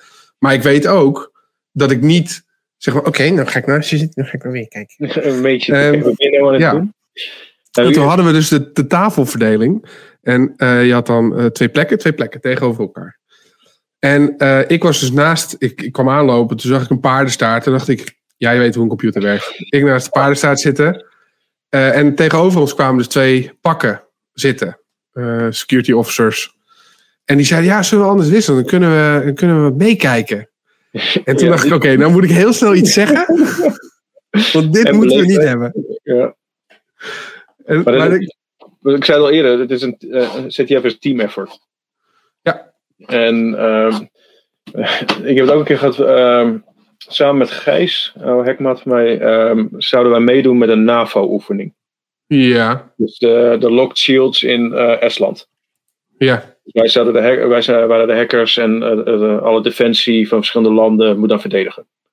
En wij keken er echt naar uit om met z'n tweeën, ehm, dat we met z'n tweeën in één team lekker los konden gaan. ja. kwamen we daaraan en toen was het, oh jullie weten allebei wat jullie moeten doen. Mooi, kregen we allebei een eigen team. Oh, Ja, maar, maar, maar, maar ons hele doel was om samen jullie kapot te maken. Ja. En toen kregen we dus ook allemaal eh, mensen erbij. ehm, ja. Eh, Ja. Het is een beetje plate spinnen. Eh kijken of je vier man aan het werk kan blijven houden. Ja, ja, ja. Nou, ik heb er wel van geleerd. eh, het, het hangt er gewoon van af. Want kijk, aan de ene kant, als je zo'n gemixt team hebt, creëer je ook gewoon de mogelijkheid voor minder ervaren spelers om wat te leren van ervaren spelers. Het probleem is alleen. kennisoverdracht. Maar daar zijn we te fanatiek voor. Nou, precies dat. Dus want toen zij zei, ja, dan kunnen we samen. Toen dacht ik, nee, nee, nee, nee, nee. Eh, nog los trouwens van mijn fanatiekheid. Ik kan er gewoon niet tegen als iemand over mijn schouder meekijkt. Op mijn scherm, zeg maar. Ja, dat heb ik ook, want het meeste wat je doet ziet er heel onintelligent uit. Ja. Als ik een, eh, ergens mee begin, ga ik random zooi in een invulveld gooien. Net zolang tot het eh, de juiste error teruggeeft of breekt of wat dan ook. En dan weet ik Ja. welke kant ik op moet. Heb je het geleerd? er- Ja. Ja, en dat ziet er niet heel intelligent uit, als iemand meestal te kijken. Nee, en ik weet ook op voorhand helemaal niet wat ik aan het doen ben. Dus als je me dan een vraag stelt, kan ik eigenlijk alleen maar een dom antwoord geven. Waar het blijkt, oh, hij snapt echt niet wat hij aan het doen is. Nee, dat klopt. Dat is, dat is het proces. Ja. Maar nou ja, dat is ook onzekerheid van mezelf inderdaad. Maar ik merk gewoon dat toen, toen ze dat later hadden opgelost, met gewoon je maakt een team. eh, en je speelt met dat team. eh, dat werkt gewoon, eh, ja, het werkt gewoon goed. Ik vond het leuk hoor, toen, want we hadden toen eerst Hack de Heek en dan de prijsuitreiking en daarna door naar, naar de One. Dat was de dat laatste was keer. een heftige dag, maar wel Ja. echt heel leuk om te doen. Maar ja, dat, je zag dat het een heftige dag was, want we hebben niet gewonnen. Nee, waren we tweede of derde? Ehm, ik zou willen zeggen tweede. Ja, ja. Ik weet dat Op ik weet niet gewonnen hadden. Maar Ja, was dat niet Gijs? het waren de andere eindbazen. Ja. Tierenwijs. Ja, dat was tegenvallend. Ja, ja, ja, ja, ja. maar ja, goed. Ach, ik vind nog steeds, het is een van de. Eh, ik, je hebt de CTF 036 in Nederland. Eh, en er wordt eh, georganiseerd door, door, door een vriend van mij, eh, Michael. En eh, die heeft op een gegeven moment die heeft de hele infrastructuur en tooling gebouwd om gewoon netwerken te spinnen. Dus Hmm. die heeft een soort van Vulnhub on demand. En dat doet hij ook. eh, hij geeft ook les met die tooling op een, eh, op een HBO ergens. Een security eh, ding. En eh, dat is wel echt. Het, het werkt gewoon goed. Dan heeft hij altijd een leuk scenario. Dus is het, eh, ja, dit is de tandartspraktijk. En dan kom je binnen op de CTF. En dan is het letterlijk. Er, er, er is al een wifi draait er. Van de tandartspraktijk. En eh, zeg maar, dan heeft- iedere tafel heeft zijn eigen wifi. En ieder eh, heeft zijn, een volledig netwerk. Inclusief website. Dus, dus het is meer een OSP-style lab Mhm. dan, dan challenges. En eh, ja, wij hebben, Wes en ik hebben eigenlijk elk jaar gewonnen. Wes heeft het eerste jaar gewonnen, toen was ik er nog niet. Daarna hebben Wes en ik eigenlijk elk jaar gewonnen. Tot het laatste jaar dat we mee gegaan. En toen ging het niet of zo. Toen zijn we compleet echt iets als vijfde geëindigd. Dat was echt waardeloos. Eh, maar dat is een van de eh, meest realistische CTF's die ik ken. En die is volgens mij niet zo super bekend in Nederland. Dus ik denk, ik noem hem nog even. Nou, het is echt... eh, ik heb ja. hem ook meteen opgezocht. Ga ik straks even kijken. Ja, dat is echt leuk om mee te doen, man. Want het is gewoon een realistische netwerkomgeving. Het is een beetje hack the box, maar dan met meerdere bakken in één opdracht, zeg maar. Eh, en het is niet alleen maar, oké, exploitje vinden, uitvoeren. Je moet er ook echt bij nadenken. Eh, ook eh, er zitten wat, wat, wat moeilijkere dingetjes in. Er heeft ook een, een jaar heeft hij ergens lekte syslog. Hm. En op een hoge poort draaide gekke service. En als je dan die hoge poort, die service, zeg maar gewoon een bak data gooide. Kon je via syslog de Stack Overflow zien. Dus dan kon je een stack-based buffer overflow bouwen op basis van de syslog. Die Hmm. lekte. Nou, dat is, dat is best... eh, Er zit ook wel wat, wat tijd in om dit allemaal te bouwen natuurlijk en Zo, onderhouden. en zo. Ja, Dat man. Dat had, dat, maar hij is daar gewoon ook handig in. eh, in, eh, in, in een soort kaartenhuis bouwen, wat gewoon blijft werken. Totdat je er boos naar kijkt. Nou, dat is Ik niet waar. zeggen, vaak van dit soort dingen bouwen, dan Ja, nee, maar hij bouwde het en het werkt gewoon. Totdat jij denkt, omdat je er ook met hem werkt, zo dat je denkt: ik ga ook iets aanpassen. Ik ga ook iets toevoegen. Flikkert die hele tering zo in elkaar en dan komt hij terug en zegt: ja, waarom zit je er dan ook aan? Ja. dat, dat, het meest frustrerende aan met hem werken. Maar dat werkt. Hij kon dat echt. eh, hij kan het nog steeds supergoed.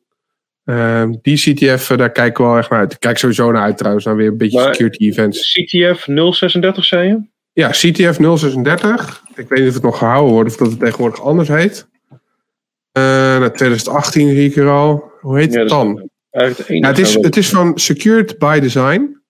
Ehm, ja, de CTF is, is qua naam veranderd, zie ik. Eh, maar in 2020 is, is, eh, is zo te zien, eh, was dan eh, was de, de, de editie 3 april zou die zijn. Daar had ik me voor netjes voor ingeschreven weer. Maar die ging niet door. Eh, maar dat, ja, nou ja, ik snap er ook niks van. Maar eh, ja, dat is een van de, eh, van de leukere CTF's eh, die, ik, die ik heb gespeeld. Eh, ja, is nog wel de moeite waard. Maar ja, dat, het is nog even.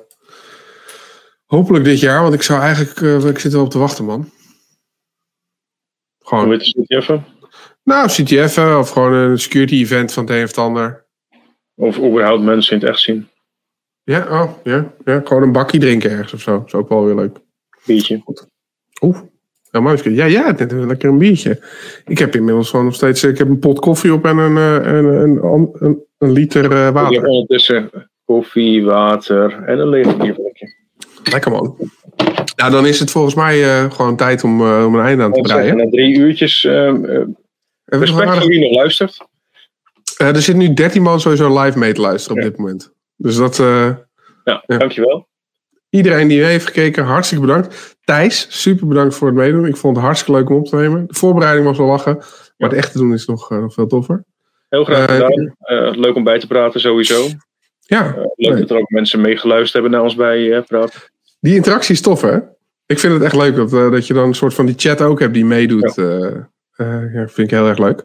Ja, volgende week hebben we weer een eh, nieuwe sessie. Dan met eh, Stan Hecht. Oh, leuk. Ja, heb ik ook wel weer zin in hoor. Eh, en ja, die. ja, tot dan eigenlijk. Iedereen hartstikke bedankt voor het luisteren. En tot de volgende keer.